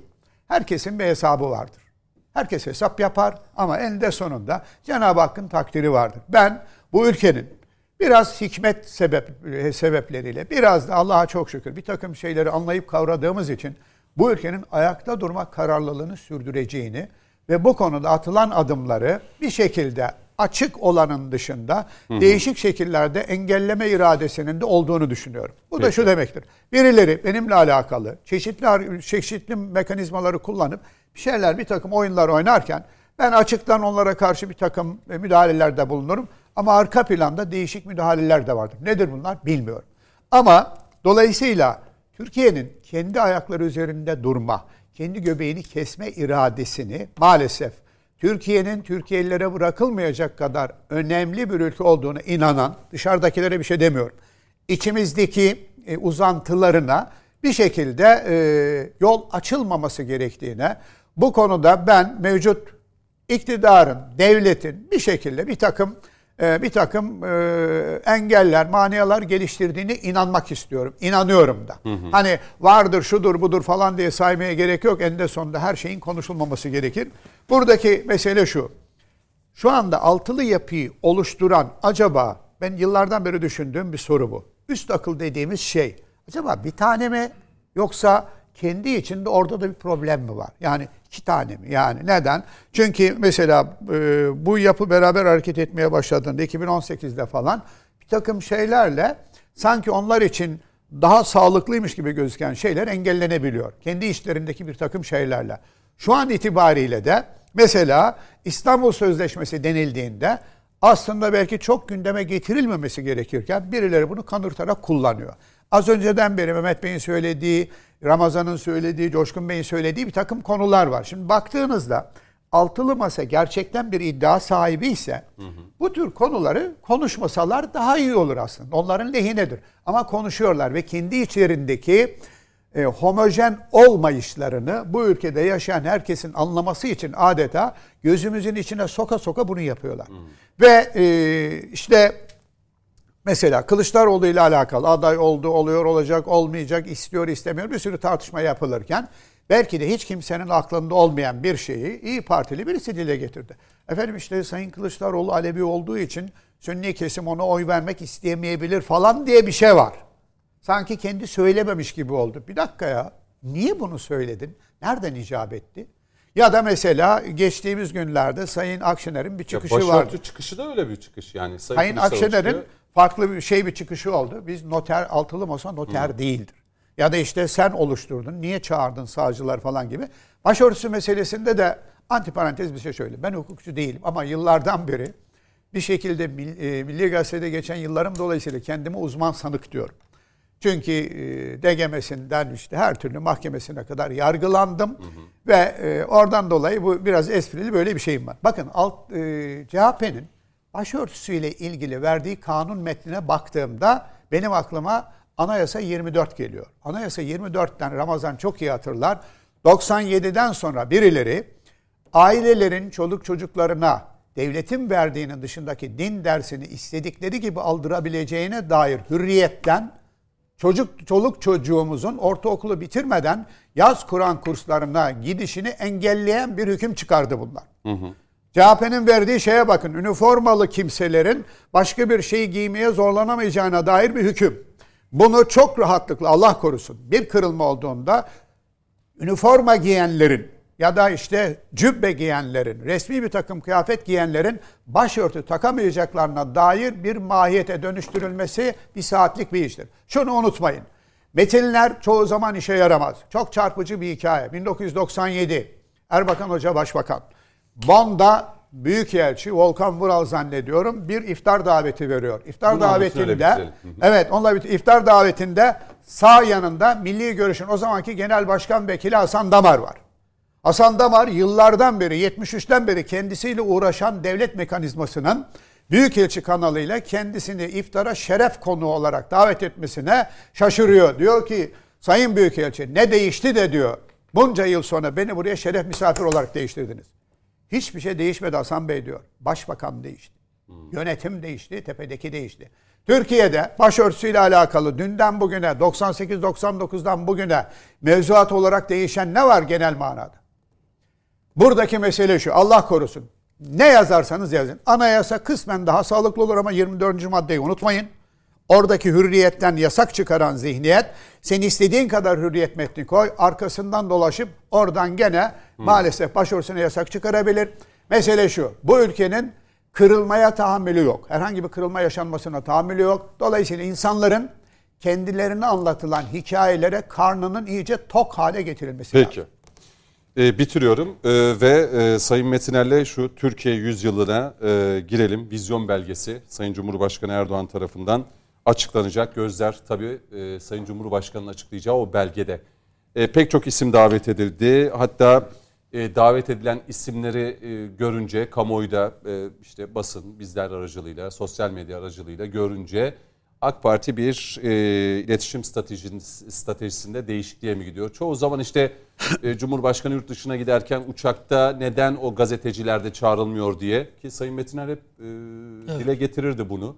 Ya çağırsınlar, onlar da uçakta bulunsunlar, Sayın Cumhurbaşkanı'na soru sorsunlar, dinlesinler, gitsin köşe yazısında ya da gazetesinde bunu dile getirsin diye. Şimdi Türkiye Yüzyılı Vizyon Belgesi açıklanırken e, muhalif gazeteciler diyelim, e, davet edildi. Bu davete e, şaşkınlıkla karşılık verenler var. Davete gidecek olanlar var.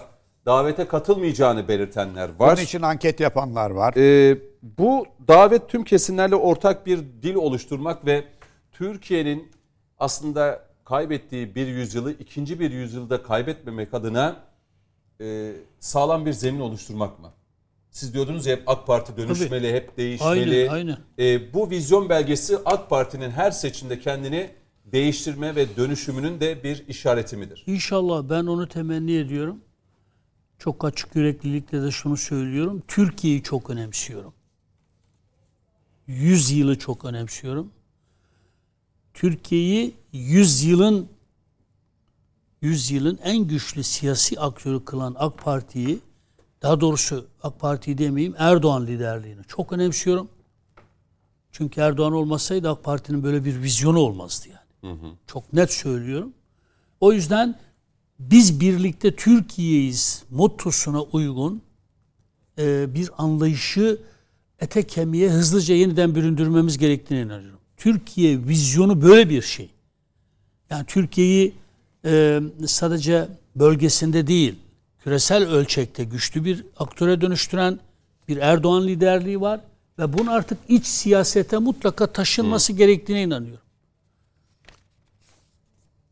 Çok açık açık daha şeyler söyleyebilirim. Yani lafın tamamı akıllıya denmez. Seçime şunun şurasında 5-6 ay kaldı. Evet. Herkes diline dikkat etmek zorunda. Dışlayıcı, ötekileştirici böyle bir algıya sebebiyet verecek söz ve davranışlardan herkesin en başta da en başta da Erdoğan'ı seven bütün herkesin kaçınması lazım. Biz kucaklayan olmak zorundayız. İten değil. Biz toparlayan olmak zorundayız. Çünkü biz yönetme mevkiindeyiz ya. Doğru. Başkası dağıtabilir. Ama bu ülke bizim. Biz dağıtılmak istenen insanlarımızı da kucaklayan bir parti olmak zorundayız. Partilerin siyasal zihniyetlerini eleştirebiliriz ama o partilere oy veren milyonlarca seçmenimizi küstürecek söz ve davranışlardan ima yoluyla dahi olsa kaçırmak zorundayız. Ben belki ben de katılacağım Cuma günü. Büyük bir heyecanla da bekliyorum. İnşallah e, bu vizyon açıklandıktan sonra bunun içerideki siyaseti de e, şey yapılırsa çok anlamlı olur. İletişim stratejisinin değişmiş olmasını yürekten diliyorum. Efendim işte katılırlarsa şöyle ya desinler kardeşim.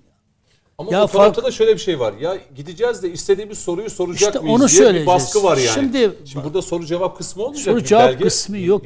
Bakınız ben burada. Mehmet Metin olarak Kemal Bey'i sabah akşam eleştiren bir insanım. Kemal Bey'in düşmanı falan değilim. Çağırsın beni giderim konuşurum. CHP'nin toplantısına da giderim bir başkası. Efendim ben gittim ama şunun için gittim diye açıklama yapmak ne kadar ayıp bir şeydir ya. Birileri kalkıp bana diyecek Mehmet Metin'e sen niye Kılıçdaroğlu'nun davetine kaldın? Ne kadar ayıp bir şey. Ben de çıkacağım diyeceğim ki ya gittim ki Kemal Bey çatır çatır şu soruları sorayım. Kemal Bey'le tartışayım. Ya anlamak için gidebilirim. Ne düşündüğünü öğrenmek için gidebilirim. İki, ben bu nedenle gidiyorum. Allah'ım ya Rabbim ya sen gazetecisin ya. Gazeteci gazetecidir ya. Son zamanlarda gazeteciler kendilerine bir misyon biçmeye başladılar. Siyasetçiden çok daha fazla siyasetçi olan gazeteciler var. Kendilerine ideolojik siyasi bir misyon biçiyorlar. Köşe yazarının bunu yapmasını anlayabilirim. Ama gazeteci gazetecidir ya. Gazetecinin yandaşı, muhalifi olur mu ya? Ben muhalif gazeteciyim. Allah Allah. E peki diyelim ki iktidara muhalif gazetecisin. Peki CHP'de muhalefet partisi. CHP sabah akşam yanlış yapıyor. Sen eleştirmeyecek misin onu yani? Yani muhalif gazeteci olmak sadece iktidara muhalefetle mi anlamlı ve değerlidir yani? Muhalif olmak demek bir duruşun olur senin. Yanlışı yapan muhalefet partisi olsa onu da eleştirirsin. Eğer sen gözü kapalı bir biçimde sadece iktidarı eleştiriyorsan, gözü kapalı bir biçimde de muhalefeti destekliyorsan senin adın gazeteci değildir. Senin adın artık başka bir şeydir. Ben iletişim stratejisinde böyle bir değişiklik yapmışlarsa bundan büyük bir memnuniyet duyarım. Uçakta da uçağa da bunun yansıması gerektiğine inanıyorum. Hep belli bir medya e, tırnak içinde bizim diye tanımladığımız bir medya mensup arkadaşlarımız her dış ziyarette ya. Aynı kişiler, aynı Bunun kapısını açar mı davete gelecek Şimdi olması lazım. birlikte? Hı. Efendim bak bu ne biliyor musun? Bu gazeteci arkadaşlar da anlıyorum zor. Şimdiye kadar kendilerini farklı koşullandırırlar. Gittikleri zaman yiyecekleri linçleri biliyorum. Çünkü aynı şey bize de yapılabilir yani. Sen de gitsen vay Cüneyt Özdemir, Ekrem abi gitse vay Ekrem'e bak ya gitti. Ne işiniz Ayıp. var orada? Bak bunları bunları bizim kırmamız lazım ya. Özgüveni olan insanlar her yere giderler. Söyleyecek sözü olan insanlar her yere giderler. Şimdi bunlar tabii eleştireceklerdir. Hemen bizimkiler ya bak çağırdığınızda ne oldu? Sanki lütufta bulunuyoruz. Ya biz ülke yönetiyoruz ya. Bu Cumhurbaşkanı herkesin Cumhurbaşkanı ya. Katılır, gelirler, katılırlar. Sonra köşelerinde zehir zemberek eleştirirler, suçlarlar. Biz insanlardan şunu bekliyoruz ya. Size lütfettik, sizi çağırdık ya. E hadi niye bizim burazanlığımızı yapıyorsunuz? Ya bırak adam eleştirsin seni ya. Ayarsız eleştiri yapıyorsa zaten toplumun cezasını keser. Ama bence dışlama siyasetine AK Parti'nin ivedilikle son vermesi gerekiyor. Yani ben bunu bizimkiler dışlıyor anlamında söylemiyorum ama biz bir kelimeyi kullanırken bakınız bin düşünmek zorundayız. Mahir Ünal çok entelektüel bazda şeyler söyledi. Yani ama ben bir siyasetçi olarak mesela öyle bir söylemin taşıyıcı unsuru olmak istemem. Ya gazeteci farklı konuşur, köşe yazarı farklı, siyasetçi farklı konuşur. Milletvekiliysen farklı konuşursun. Bakansan farklı konuşursun. Neyi nerede konuşacağını bilirsin ya. Bazen yüzde yüz doğru bir şey söylersin ama siyasi makamından, temsil makamından dolayı bütün söylediklerin sana geri döner. Onun için şunu söylemeye çalışıyorum. Lütfen ne olursunuz ya. Ben AK Parti'mizden, Erdoğan'dan şunu istiyorum. Türkiye gerçekten yeni bir bin yılın, yeni bir yüz yılın şeyine, mihver ülkesine dönüştürdü ya. Yani hakikaten yani bu tarih Gerçi yazıldığında... herkesin heyecanla bekliyor yani. Hani bu sadece bizim Yani yaş grubu ya da Türkiye'siz bir tarih yazılmıyor artık. Bak Türkiye hem tarih yazıyor. iki en önemlisi bakınız. Türkiye'siz artık bir tarih yazılamıyor. Ve bunu sağlayan lider Erdoğan. Erdoğan liderliğini içeride 3-5 tane siyasi polemiğin kurbanı kılmamak lazım. 3-5 tane siyasi kavganın şey kırmamak lazım. Erdoğan herkesi toparlayan, herkese abilik yapan, babalık yapan, devlet olarak da görevi yapan güçlü bir siyasi aktör olarak içeride yeniden konumlandırılmalı. Çünkü Türkiye'nin Erdoğan'a ihtiyacı var. Mihver bir ülke olacaksak, tarih sahnesinde yeniden güçlü bir ülke olacaksak Erdoğan liderliğine ihtiyacı var. Dolayısıyla ama Erdoğan'ın sırtına binip de Erdoğan'a bu kadar çok haksızlık edilmesini de şey yapmıyorum. Özetle Peki. diyeceğim şey şu. e, bir gazeteci arkadaşımız cevap verirken şey demiş yani. Ben gazeteci kimliğimle katılacağım. Ben gazetecinin başka ne kimliği olur bilmiyorum. Ben gazeteci değilim. Ekrem abi gazetecidir, yazardır, aydındır, Ama entelektüeldir. kişi Ama ben gazeteci değilim mesela.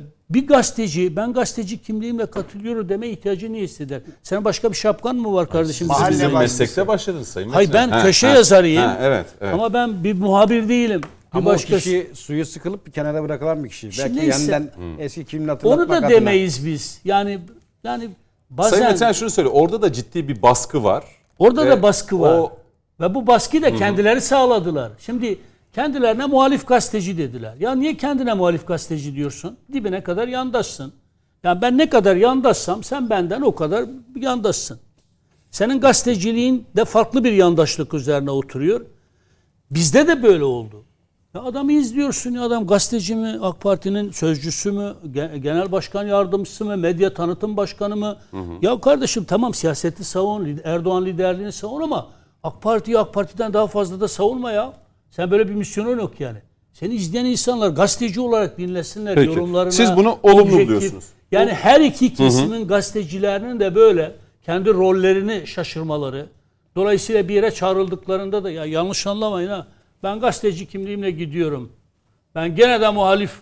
Tamam muhalifsin. Erdoğan'a muhalifsin. Baş göz üstüne. Senin muhalefetine de ihtiyacımız var. Eyvallah. Peki diyelim ki muhalif muhalefette olan partilerin yanlışlıklarını gördüğün zaman sen gazeteci olarak eleştirmeyecek misin? Yok orada eleştirmem diyorsan e, dibine Peki, kadar yanmazsın. Vakıa Benden farkın zaten. yoksa da o zaman ben eleştirmeye hakkın yok. Peki. Ee, sürem daraldığı için e, Pardon, özür Yo estağfurullah. Ee, şimdi cuma günü gerçekten herkes heyecanlı. Oraya pek çok kesimden gazeteci davet edildi.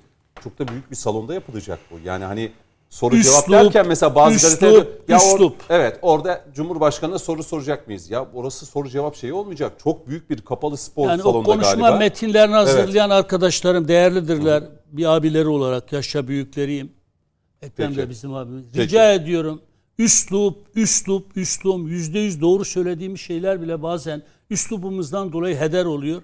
Lütfen üsluba da biraz dikkat Peki. edelim. Bir ara diyelim. Aradan sonra devam edeceğiz. Son aramız. Son bölümdeyiz. Bir 25 dakikamız var.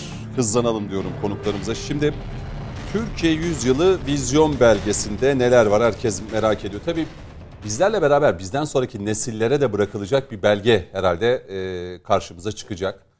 E, şimdi Ramazan e, Aratürk'e döneceğim. Ee, gelecek bir yüzyılı kaçırmamak adına ki bu bağlamda bu turda şunu da soracağım. TOK biliyorsunuz 29 Ekim Cumhuriyet Bayramı'nın 99. yılında banttan inecek. O gün de yine güzel bir gün olacak. Türkiye'nin yeni bir yüzyılı kaçırmaması adına aslında TOK çok önemli bir örnek değerli izleyenler. Ee, yeni bir yüzyıl, Birinci Dünya, İkinci Dünya Savaşı sonrasında Türkiye maalesef o yüzyılı kaybetti.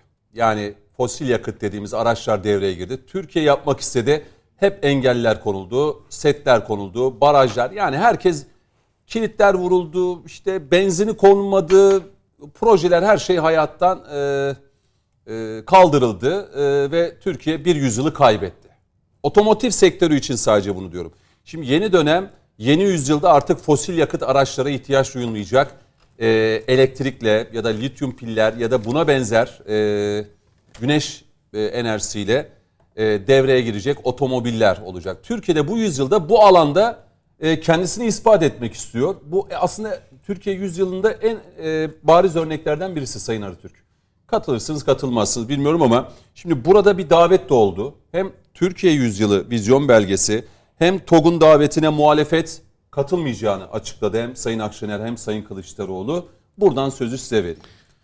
Şimdi benim de en azından e, Türkiye'nin bir yüzyılı deyince Türkiye'nin en büyük ihtiyacı hangi e, partiye mensup olursa olsun, hangi millete mensup olursa olsun, nerede olursa olsun bu ülkenin bütün insanların kucaklaşacağı, beraber olacağı, gönül gönüllü olacağı bizim bir ortama ihtiyaç var. Bir barış ortamına ihtiyacımız var. Gerginliğe değil, ayrışmaya değil, birliğe bizim ihtiyacımız var. Ben bu bağlamda özellikle de son zamanlarda Sayın Cumhurbaşkanımızın e, iletişim konusundaki değişikliğinde böyle bir e, şeye yoruyorum. Yani böyle bir değişikliğe yoruyorum. Türkiye'nin birlik ve beraber ihtiyacı var. Siyasi rekabet olabilir, siyasi çatışmalar olabilir. Çatışma değil de rekabet olabilir. Bunlar da belli bir estetik, belli bir ahlaki seviye, belli bir ondan sonra e, nitelikte olması lazım bunlar. Siyasi rekabet sadece küfürleşmek, yani sadece hiçbir şekilde küfürleşmek değil. Aksine bir öneride bulunmak, eleştirmek ama bir konuyu eleştirirken eleştirebilirsiniz. Peki sen ne yapacaksın? Sen ne öneriyorsun? Bunu ortaya koymak lazım. Türkiye'nin yeni bir siyasi söyleme ihtiyaç var bu yeni zamanda. Diğer bir konuda gerçekten üzüntü verici bir durum bana göre, benim düşüncem. Şimdi belki hani daveti, davetiye konusunda belki daha farklı bir takım usuller izlenebilirdi, izlenemezdi. Onlar tartışılabilir ama ne olursa olsun Türkiye'nin bir 100 yıllık rüyası gerçekleşiyor bir otomobil Evet, konusunda. Evet, evet. Burada artık bu otomobil efendim onun mu bunun mu önemli değil. Ama bu Türkiye'nin otomobili. Bir fabrika, koca Bir, fabrika, ve bir bir sanayi devriminin Türkiye açısından bir başlangıcı bu. Yani Türkiye'nin bu 100 yılda bence iki tane çok önemli sanayi atılım var bana göre. Savunma Teknoloji, teknoloji. Bir tanesi işte SİHA'lar, işte insansız hava Savunma araçları, sanayi. savunma sanayi temeli. Bir de şu anda hareket eden, mobilize olan Yeni araç. dönemdeki Evet, araç. hani o fosil yakıttan Yani eğer dünyada bir söz sahibi olacaksanız vazgeçip, hı hı. motor sahibi olma, motor üretebilmeniz lazım. Rahmetli Erbakan Hoca 1950'deki gümüş motordaki temel aslında şey ma- mantığı bu ama yaptırmamışlar. Bugün biz bunu yapmaya çalışıyoruz. Bana göre burada siyasi liderler keşke bütün bunları bir tarafa koyup Türkiye'nin geleceği açısından orada olabilmiş olsalardı daha anlamlı Şu olabilir söylendi. düşünüyorum. Çok bana şeyde samimi Bir de- gelmedi. ya bakanlık niye bunu AK Parti hükümet niye sahipleniyor? Burada özel teşebbüs var. Niye işte TOG'dan davetiye gelmedi diye. Biraz önce onu söyledim. Geç, geçen Üslup akşam bakımından- şey izledim. Sayın Varank'ı izledim. Davetiye gönderdik dedi. Usulü bakımdan eleştiri olabilir bakınız. Usul bakımdan, üslup bakımdan eleştiri olabilir. Bu çok ayrı bir şey. Ama sonuç ayrı bir şey. Siz üslubu eleştirebilirsiniz. Ama gelinen noktada e, ben de buraya gelmeden önce bir takım açıklamalara baktım. Yani Kemal Kılıçdaroğlu da CHP diyor ki evet biz bunlar diyor, onur duyuyoruz diyor. Bu çok önemli bir başarıdır diyor. Ama biz üslubu beğenmedik. Olabilir beğenmeyebilirsiniz ama oraya geleceksiniz. Geleceksiniz orada eleştirinizi yapacaksınız. Saygı duyarım. Çünkü bu Türkiye'nin bir dönüşümünü aslında sağlamış oluyor. Türkiye gerçekten 1920'lerin Türkiye'si değil, 1950'lerin Türkiye'si değil. Türkiye artık değişmiş durumda, kabuğunu kırmış durumda. Elbette ki bir takım hatalar olabilir. Elbette ki bir takım yanlışlar söz konusu olabilir. Yani eğer iş yapıyorsanız hata da yapacaksınız. İnsana onun tabiatı budur. Ama bu işin bir tarafı. Diğer taraftan da siyasi anlamda Türkiye'nin biraz önce söylemiş olduğum gibi yeni bir dile ihtiyaç olduğunu ben düşünüyorum. Kavga dili değil, barış dili, anlayış dili, karşılıklı konuşabilme dili. Bunu da Sayın Cumhurbaşkanı e, yapacağına ben inanıyorum. Bu Ee, Türkiye Yüzyılı e, vizyon belgesinde toplumun her kesimi mutlaka yer alacak. Evet. Ki Burada zaten belki o adımlar atıldı. mesela bununla ilgili başka bir takım şeyler de söyleniyor. Ben hani ne kadar doğru onu tam bilemiyorum ama e, onu mi? söyleyeceğim. Şimdi mesela bir işte imar barışı konusu gündeme Evet. geldi. Ceza infaz kanununda da bir değişiklikten bahsediliyor. Yani bu işte Cum- Cumhuriyet'in 100. yılı sebebiyle şu anda 350 bin civarında yanlış hatırlamıyorsam bir mahkum ve tutuklu var cezaevlerinde. Bunlarla ilgili de ceza infaz kanununa düzenlemeler yaparak Af. belli suç tiplerinde af değil ama ceza indirim yapmak. Belki Anladım. bunun e, dışarıda daha doğrusu kontrollü bir şekilde insanı topluma adapte etmek konusunda bir çalışmadan bahsediliyor ama bunun ne kadarı e, realize olur tam bilmiyorum. Bir de buna hani özellikle cezaevindeki mahkumlara ve tutuklara da şey yapmayalım. çerçevede olması gerektiğini ben de Sayın Bakan'a söylemiştim ama ne yazık ki tam da bu istediğimiz, senin de benim de istediğimiz çalışma henüz başlatılmış değil. Yani, Yani Ankara- bence ivedilikle bunu yapılması lazım. İnfaz sistemindeki değişiklik. Yani İçeride Ank- yatan insanları tekrar toplumda bütünleştirmek, bazı suç türleriyle Ya ilgili. vizyon belgesinde bu olabilir mi? Yani Ankara'da Bunu- konuşan ben bugün Ankara'daydım. Seçim Ankara'da konuşanlar sö- söyleniyor bunlar. yani. Ya biraz önce söylediğim gibi Türkiye'nin yeni bir hamleye ihtiyacı var. Türkiye'nin artık bundan sonra süreçte kas gücüne bağlı bir kalkınma değil de fikri planda akıl terine bir ihtiyacı var. Nitelikli üniversiteler bizim ihtiyacımız var. Eğer vizyon olacaksa Türkiye'nin yeni bir yüzyıl olacaksa dünya çapında bizim üniversitelerimizin olması lazım. Buna da bu da dünden bugüne olacak şeyler değildir. Geride bıraktığımız yüzyılı Bu- kaybettik mi biz? Bence bu kaybet say- sayılmaz. Şöyle bir şey var. Toplumların değişmesi ve gelişmesi bir günde olacak şeyler değillerdir. Bugün Batı toplumunun gelişmesinin süreci 400-500 yıllık bir sürece bağlıdır. O yüzden Türkiye'nin de Bu 90'lı gelişmesi ondan bugüne kadar biz bunu ondan- yaşadık tabii. galiba değil mi? Ondan bugüne dönüşüm gelinen nokta Türkiye'nin çok şükür yani hakikaten bugün Türkiye'nin geldiği nokta e, eğitim kalitemiz, üretimimiz, sanayi üretimi, ticari hayatları, hayatımız yani biz düne kadar rahmetli Özal zamanında Türkiye işte 1 milyar dolar ihracatı geçtiği gün bayramlar yapılıyordu. Bugün Türkiye'nin 250 milyar geçen bir ihracatı var. Dünyanın her yerine mal satıyoruz. Dünyanın her yerinde bizim insanlarımız var. Bu Türkiye'nin değiştiğini, dönüştüğünü gösterir. Bu bağlamda biraz önce söylediğim gibi elbette ki bu bizim için şu anda yeterli değil. Bir takım perspektifler var. Ve Türkiye'ye yakın coğraf, co- coğrafyası ile ilgili de yeni bir takım projeler oluşturması lazım.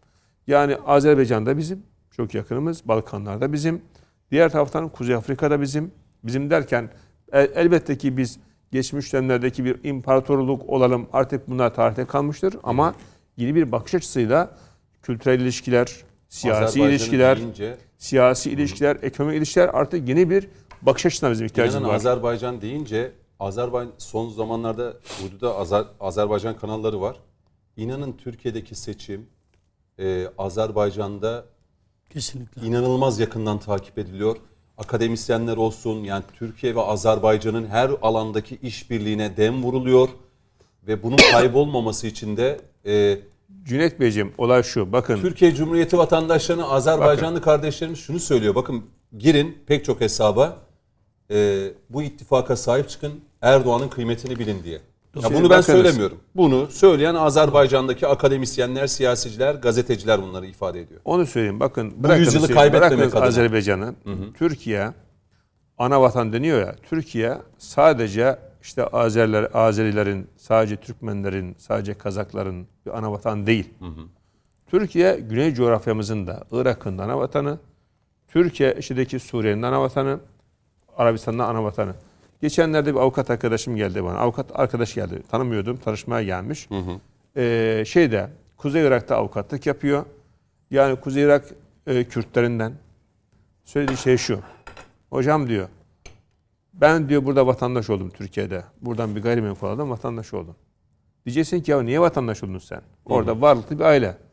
Diyor ki eğer diyor başımıza bir şey gelecekse diyor gelirse Burada. nihayetinde diyor sığınacak- bir tek de ülke var bizim başımızdan diyor. Orası da Türkiye diyor. Türkiye'nin böyle bir coğrafyası var. Bir Yani- tarihi geçmişimiz var.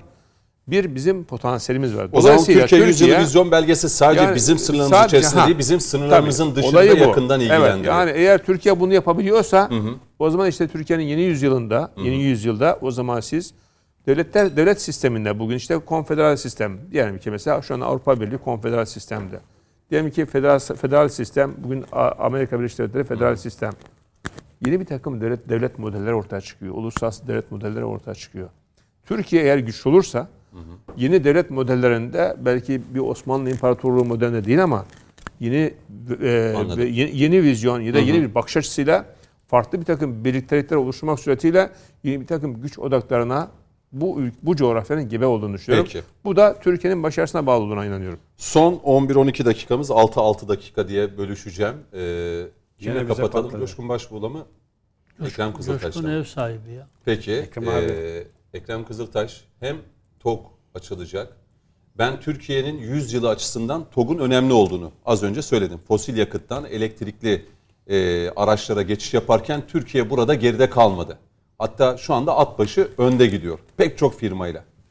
E, ve bir Türkiye vizyonu e, belgesi ortaya konacak Cuma günü. Ne bekliyorsunuz siz? Ve buraya davet edilen gazeteciler? Şimdi gazetecilerin davet edilmesi bence normal bir şey. Eninde sonunda gazetecilerden bahsediyoruz. Neden? Orada Türkiye Vizyon Belgesi açıklanacak. Türkiye Yüzyılı ile alakalı e, bu işin ustası olan isim, ustası demek e, yani belki de daha eksik, belki daha başka bir e, kavram bulmamız gerekiyor. Çünkü son 20 yıldır Türkiye'yi idare eden ve Türkiye'nin en azından 30-40 yılında veya daha fazlasında siyasi bir aktör olarak var olan bugün çok haklı bir şekilde bir takım istisnaları bir kenara koyalım ama siyasetin duayeni diyebileceğimiz bir isim. Ee, şimdiye kadarki fiili tecrübelerini, e, gördüklerini, bildiklerini e, ve Türkiye ile alakalı yaşadıklarından falan ortaya çıkardığı Türkiye'nin geleceğine yönelik. Hep biliyorsunuz 2023, 2053, 2071 şeklinde değişik vizyon şeyleri vardı.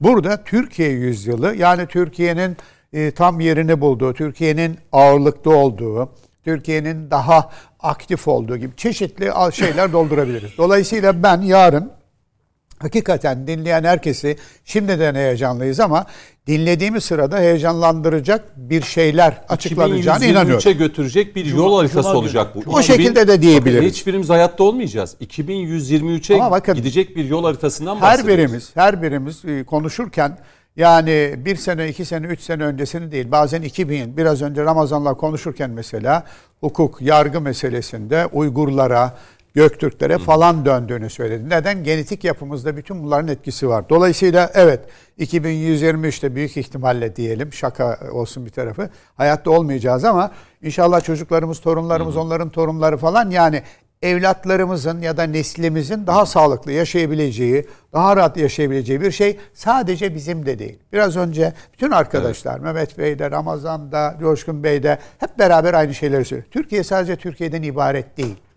Türkiye şu anda gelinebilen ülke. Allah korusun yarın başımıza bir sıkıntı gelirse Allah göstermesin bizim gidebileceğimiz bir yer yok.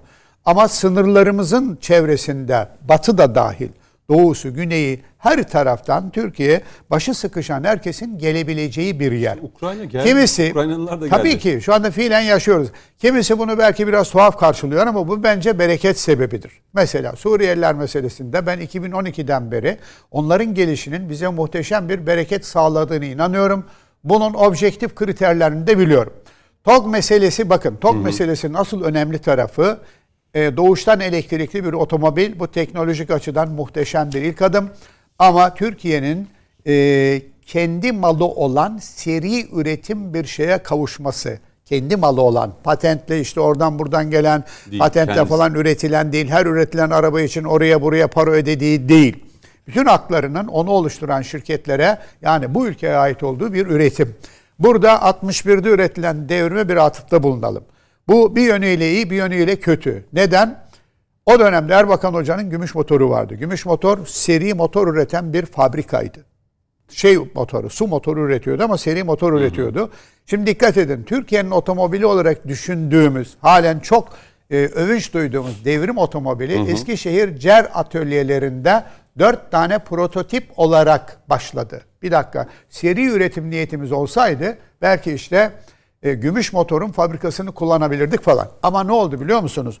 O başarısızlık olarak bize lanse edilen şeyin ardından Türkiye'de Anadolu diye bir otomobil yapılmak mecburiyetinde kalındı. Bizim hala ilk otomobilimiz odur. Doğru, Anadolu Ama aslında Ford'un iki modelinin arka arka ve ön şeylerini birleştirip yapılması bir şeydi. Ve bugün geldiğimiz noktada elhamdülillah bu ülke kendi otomobilini önce SUV olarak ardından sedan olarak seri üretim bandına koydu. 29'unda açılışı yapılacak. İnşallah önümüzdeki senenin ilk aylarında heyecanla yolda e, TOG görmeye başlayacağız. Bu muhteşem bir şey. Ben Bir dakikanız Gaz- gazeteciler falan meselesi işin şey yani neden? Gazeteci oraya gidecek. Bu bir vizyon belgesi açıklaması. Dolayısıyla Sayın Cumhurbaşkanı'nın bir basın toplantısı falan değil, Değil. bu. Türkiye'de hemen Türkiye'den ve dünyanın çeşitli yerlerinden insanların birçok insan davet edildiği gelin dinleyin. AK Parti'nin Recep Tayyip Erdoğan'ın geleceğe yönelik e, şeyini fikirlerini şunları bunları falan dinleyin. Ben burada mesela biraz önce konuşuldu. Bir af olur mu? Belki bir niyet beyanı olabilir. Ya da imar af. Bir niyet beyanı olabilir. Neden? Eninde sonunda yarın işte şunları şunları yapacağız diye detay değil.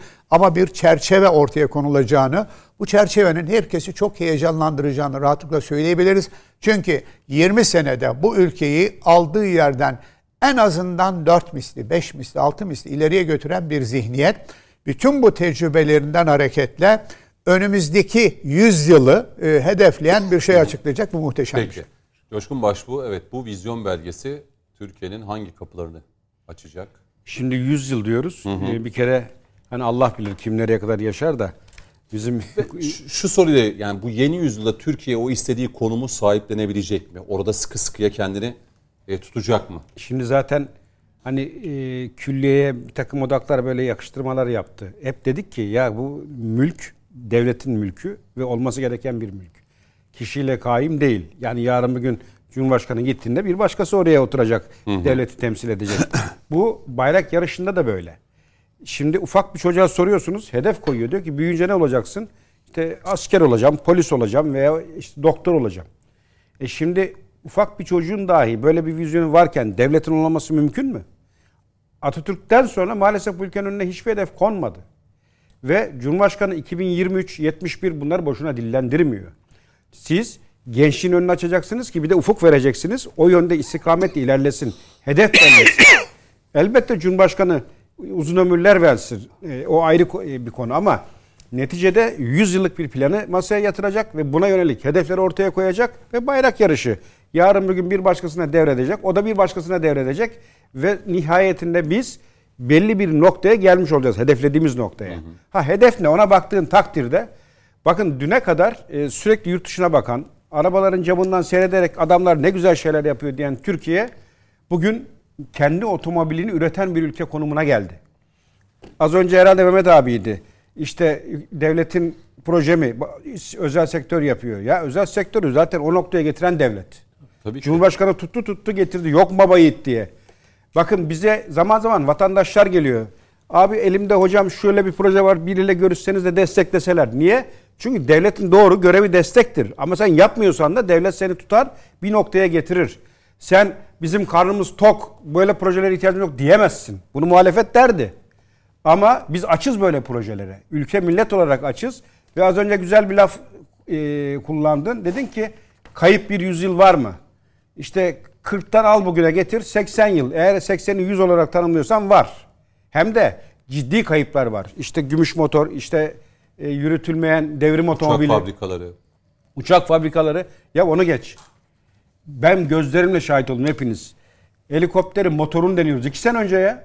Cumhurbaşkanı törende hadi bismillah diyor. Basayın bakalım diyor. O projenin başındaki müdür projenin sahibi esas sorumlusu içeriye bağırıyor. Bu bir hainliktir diyor. Motoru çalıştırmadılar ilk etapta hatırlarsan. Derhal diyor e, motoru çalıştırın. Ondan sonra çalıştı motor. Şu an bile deniyorlar durdurmayı. Hani Allah korusun iktidar değişikliğinde iş nereye gider buradan izleyenler hayal etsin, takdir etsin. Ki bana göre yüzyıla yönelik çok başlık içeren konuları tartışacağız, açıklayacak Muhalefetin Cumhurbaşkanı. gelmemesini nasıl değerlendiriyorsun? Bir dakika kaldı. Öğrenme niyetleri yok anlaşıldığı kadarıyla. Ama sosyal medyada öyle videolar dolaşıyor ki yapamazlar, edemezler. Muhalefetin bugüne altlarına kadar böyle güzel müzikler döşemişler falan. Çok hoş yani. Hani muhalefetin bugüne Meral kadar Akşener'den Temel desteklediği Karamollaoğlu'na e, hepsi yapamazlar ya nasıl yapacaklar edecekler deyip Bak muhalefetin bugüne kadar desteklediği bir şey söyle. Yani daha olanlardan haberi yok. Temel tamam, Karamollaoğlu CHP dedi. bunu söyledi. En iyi şey de yapsa desteklemeyiz de diğer partiler Hayır hepsi aynı yolda merak etme. Kimlikler farklı olabilir ama işin özü bir. Şimdi şuraya geleceğim. Öyle bitireyim.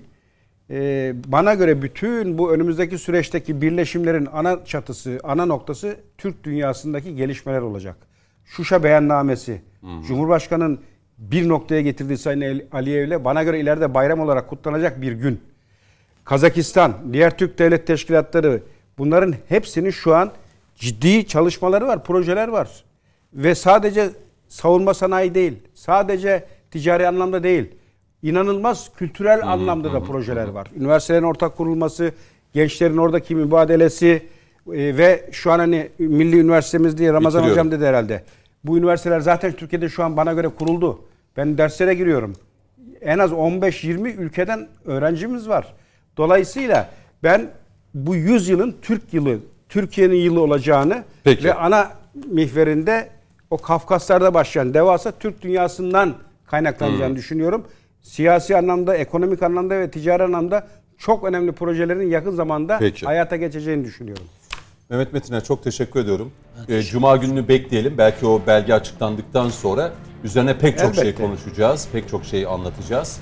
Ramazan Arıtürk çok teşekkür ediyorum. Çok sağ olun. Ee, Ekrem Kızıltaş çok teşekkür ederim. Coşkun Başbuğ çok teşekkür ediyorum. Bitiriyoruz değerli izleyenler. Bizden sonra sert sorular var. Sert sorularda konuksa İzmir, CHP İzmir Milletvekili Kani Beko olacak. Önümüzdeki hafta görüşmek üzere. Hoşçakalın.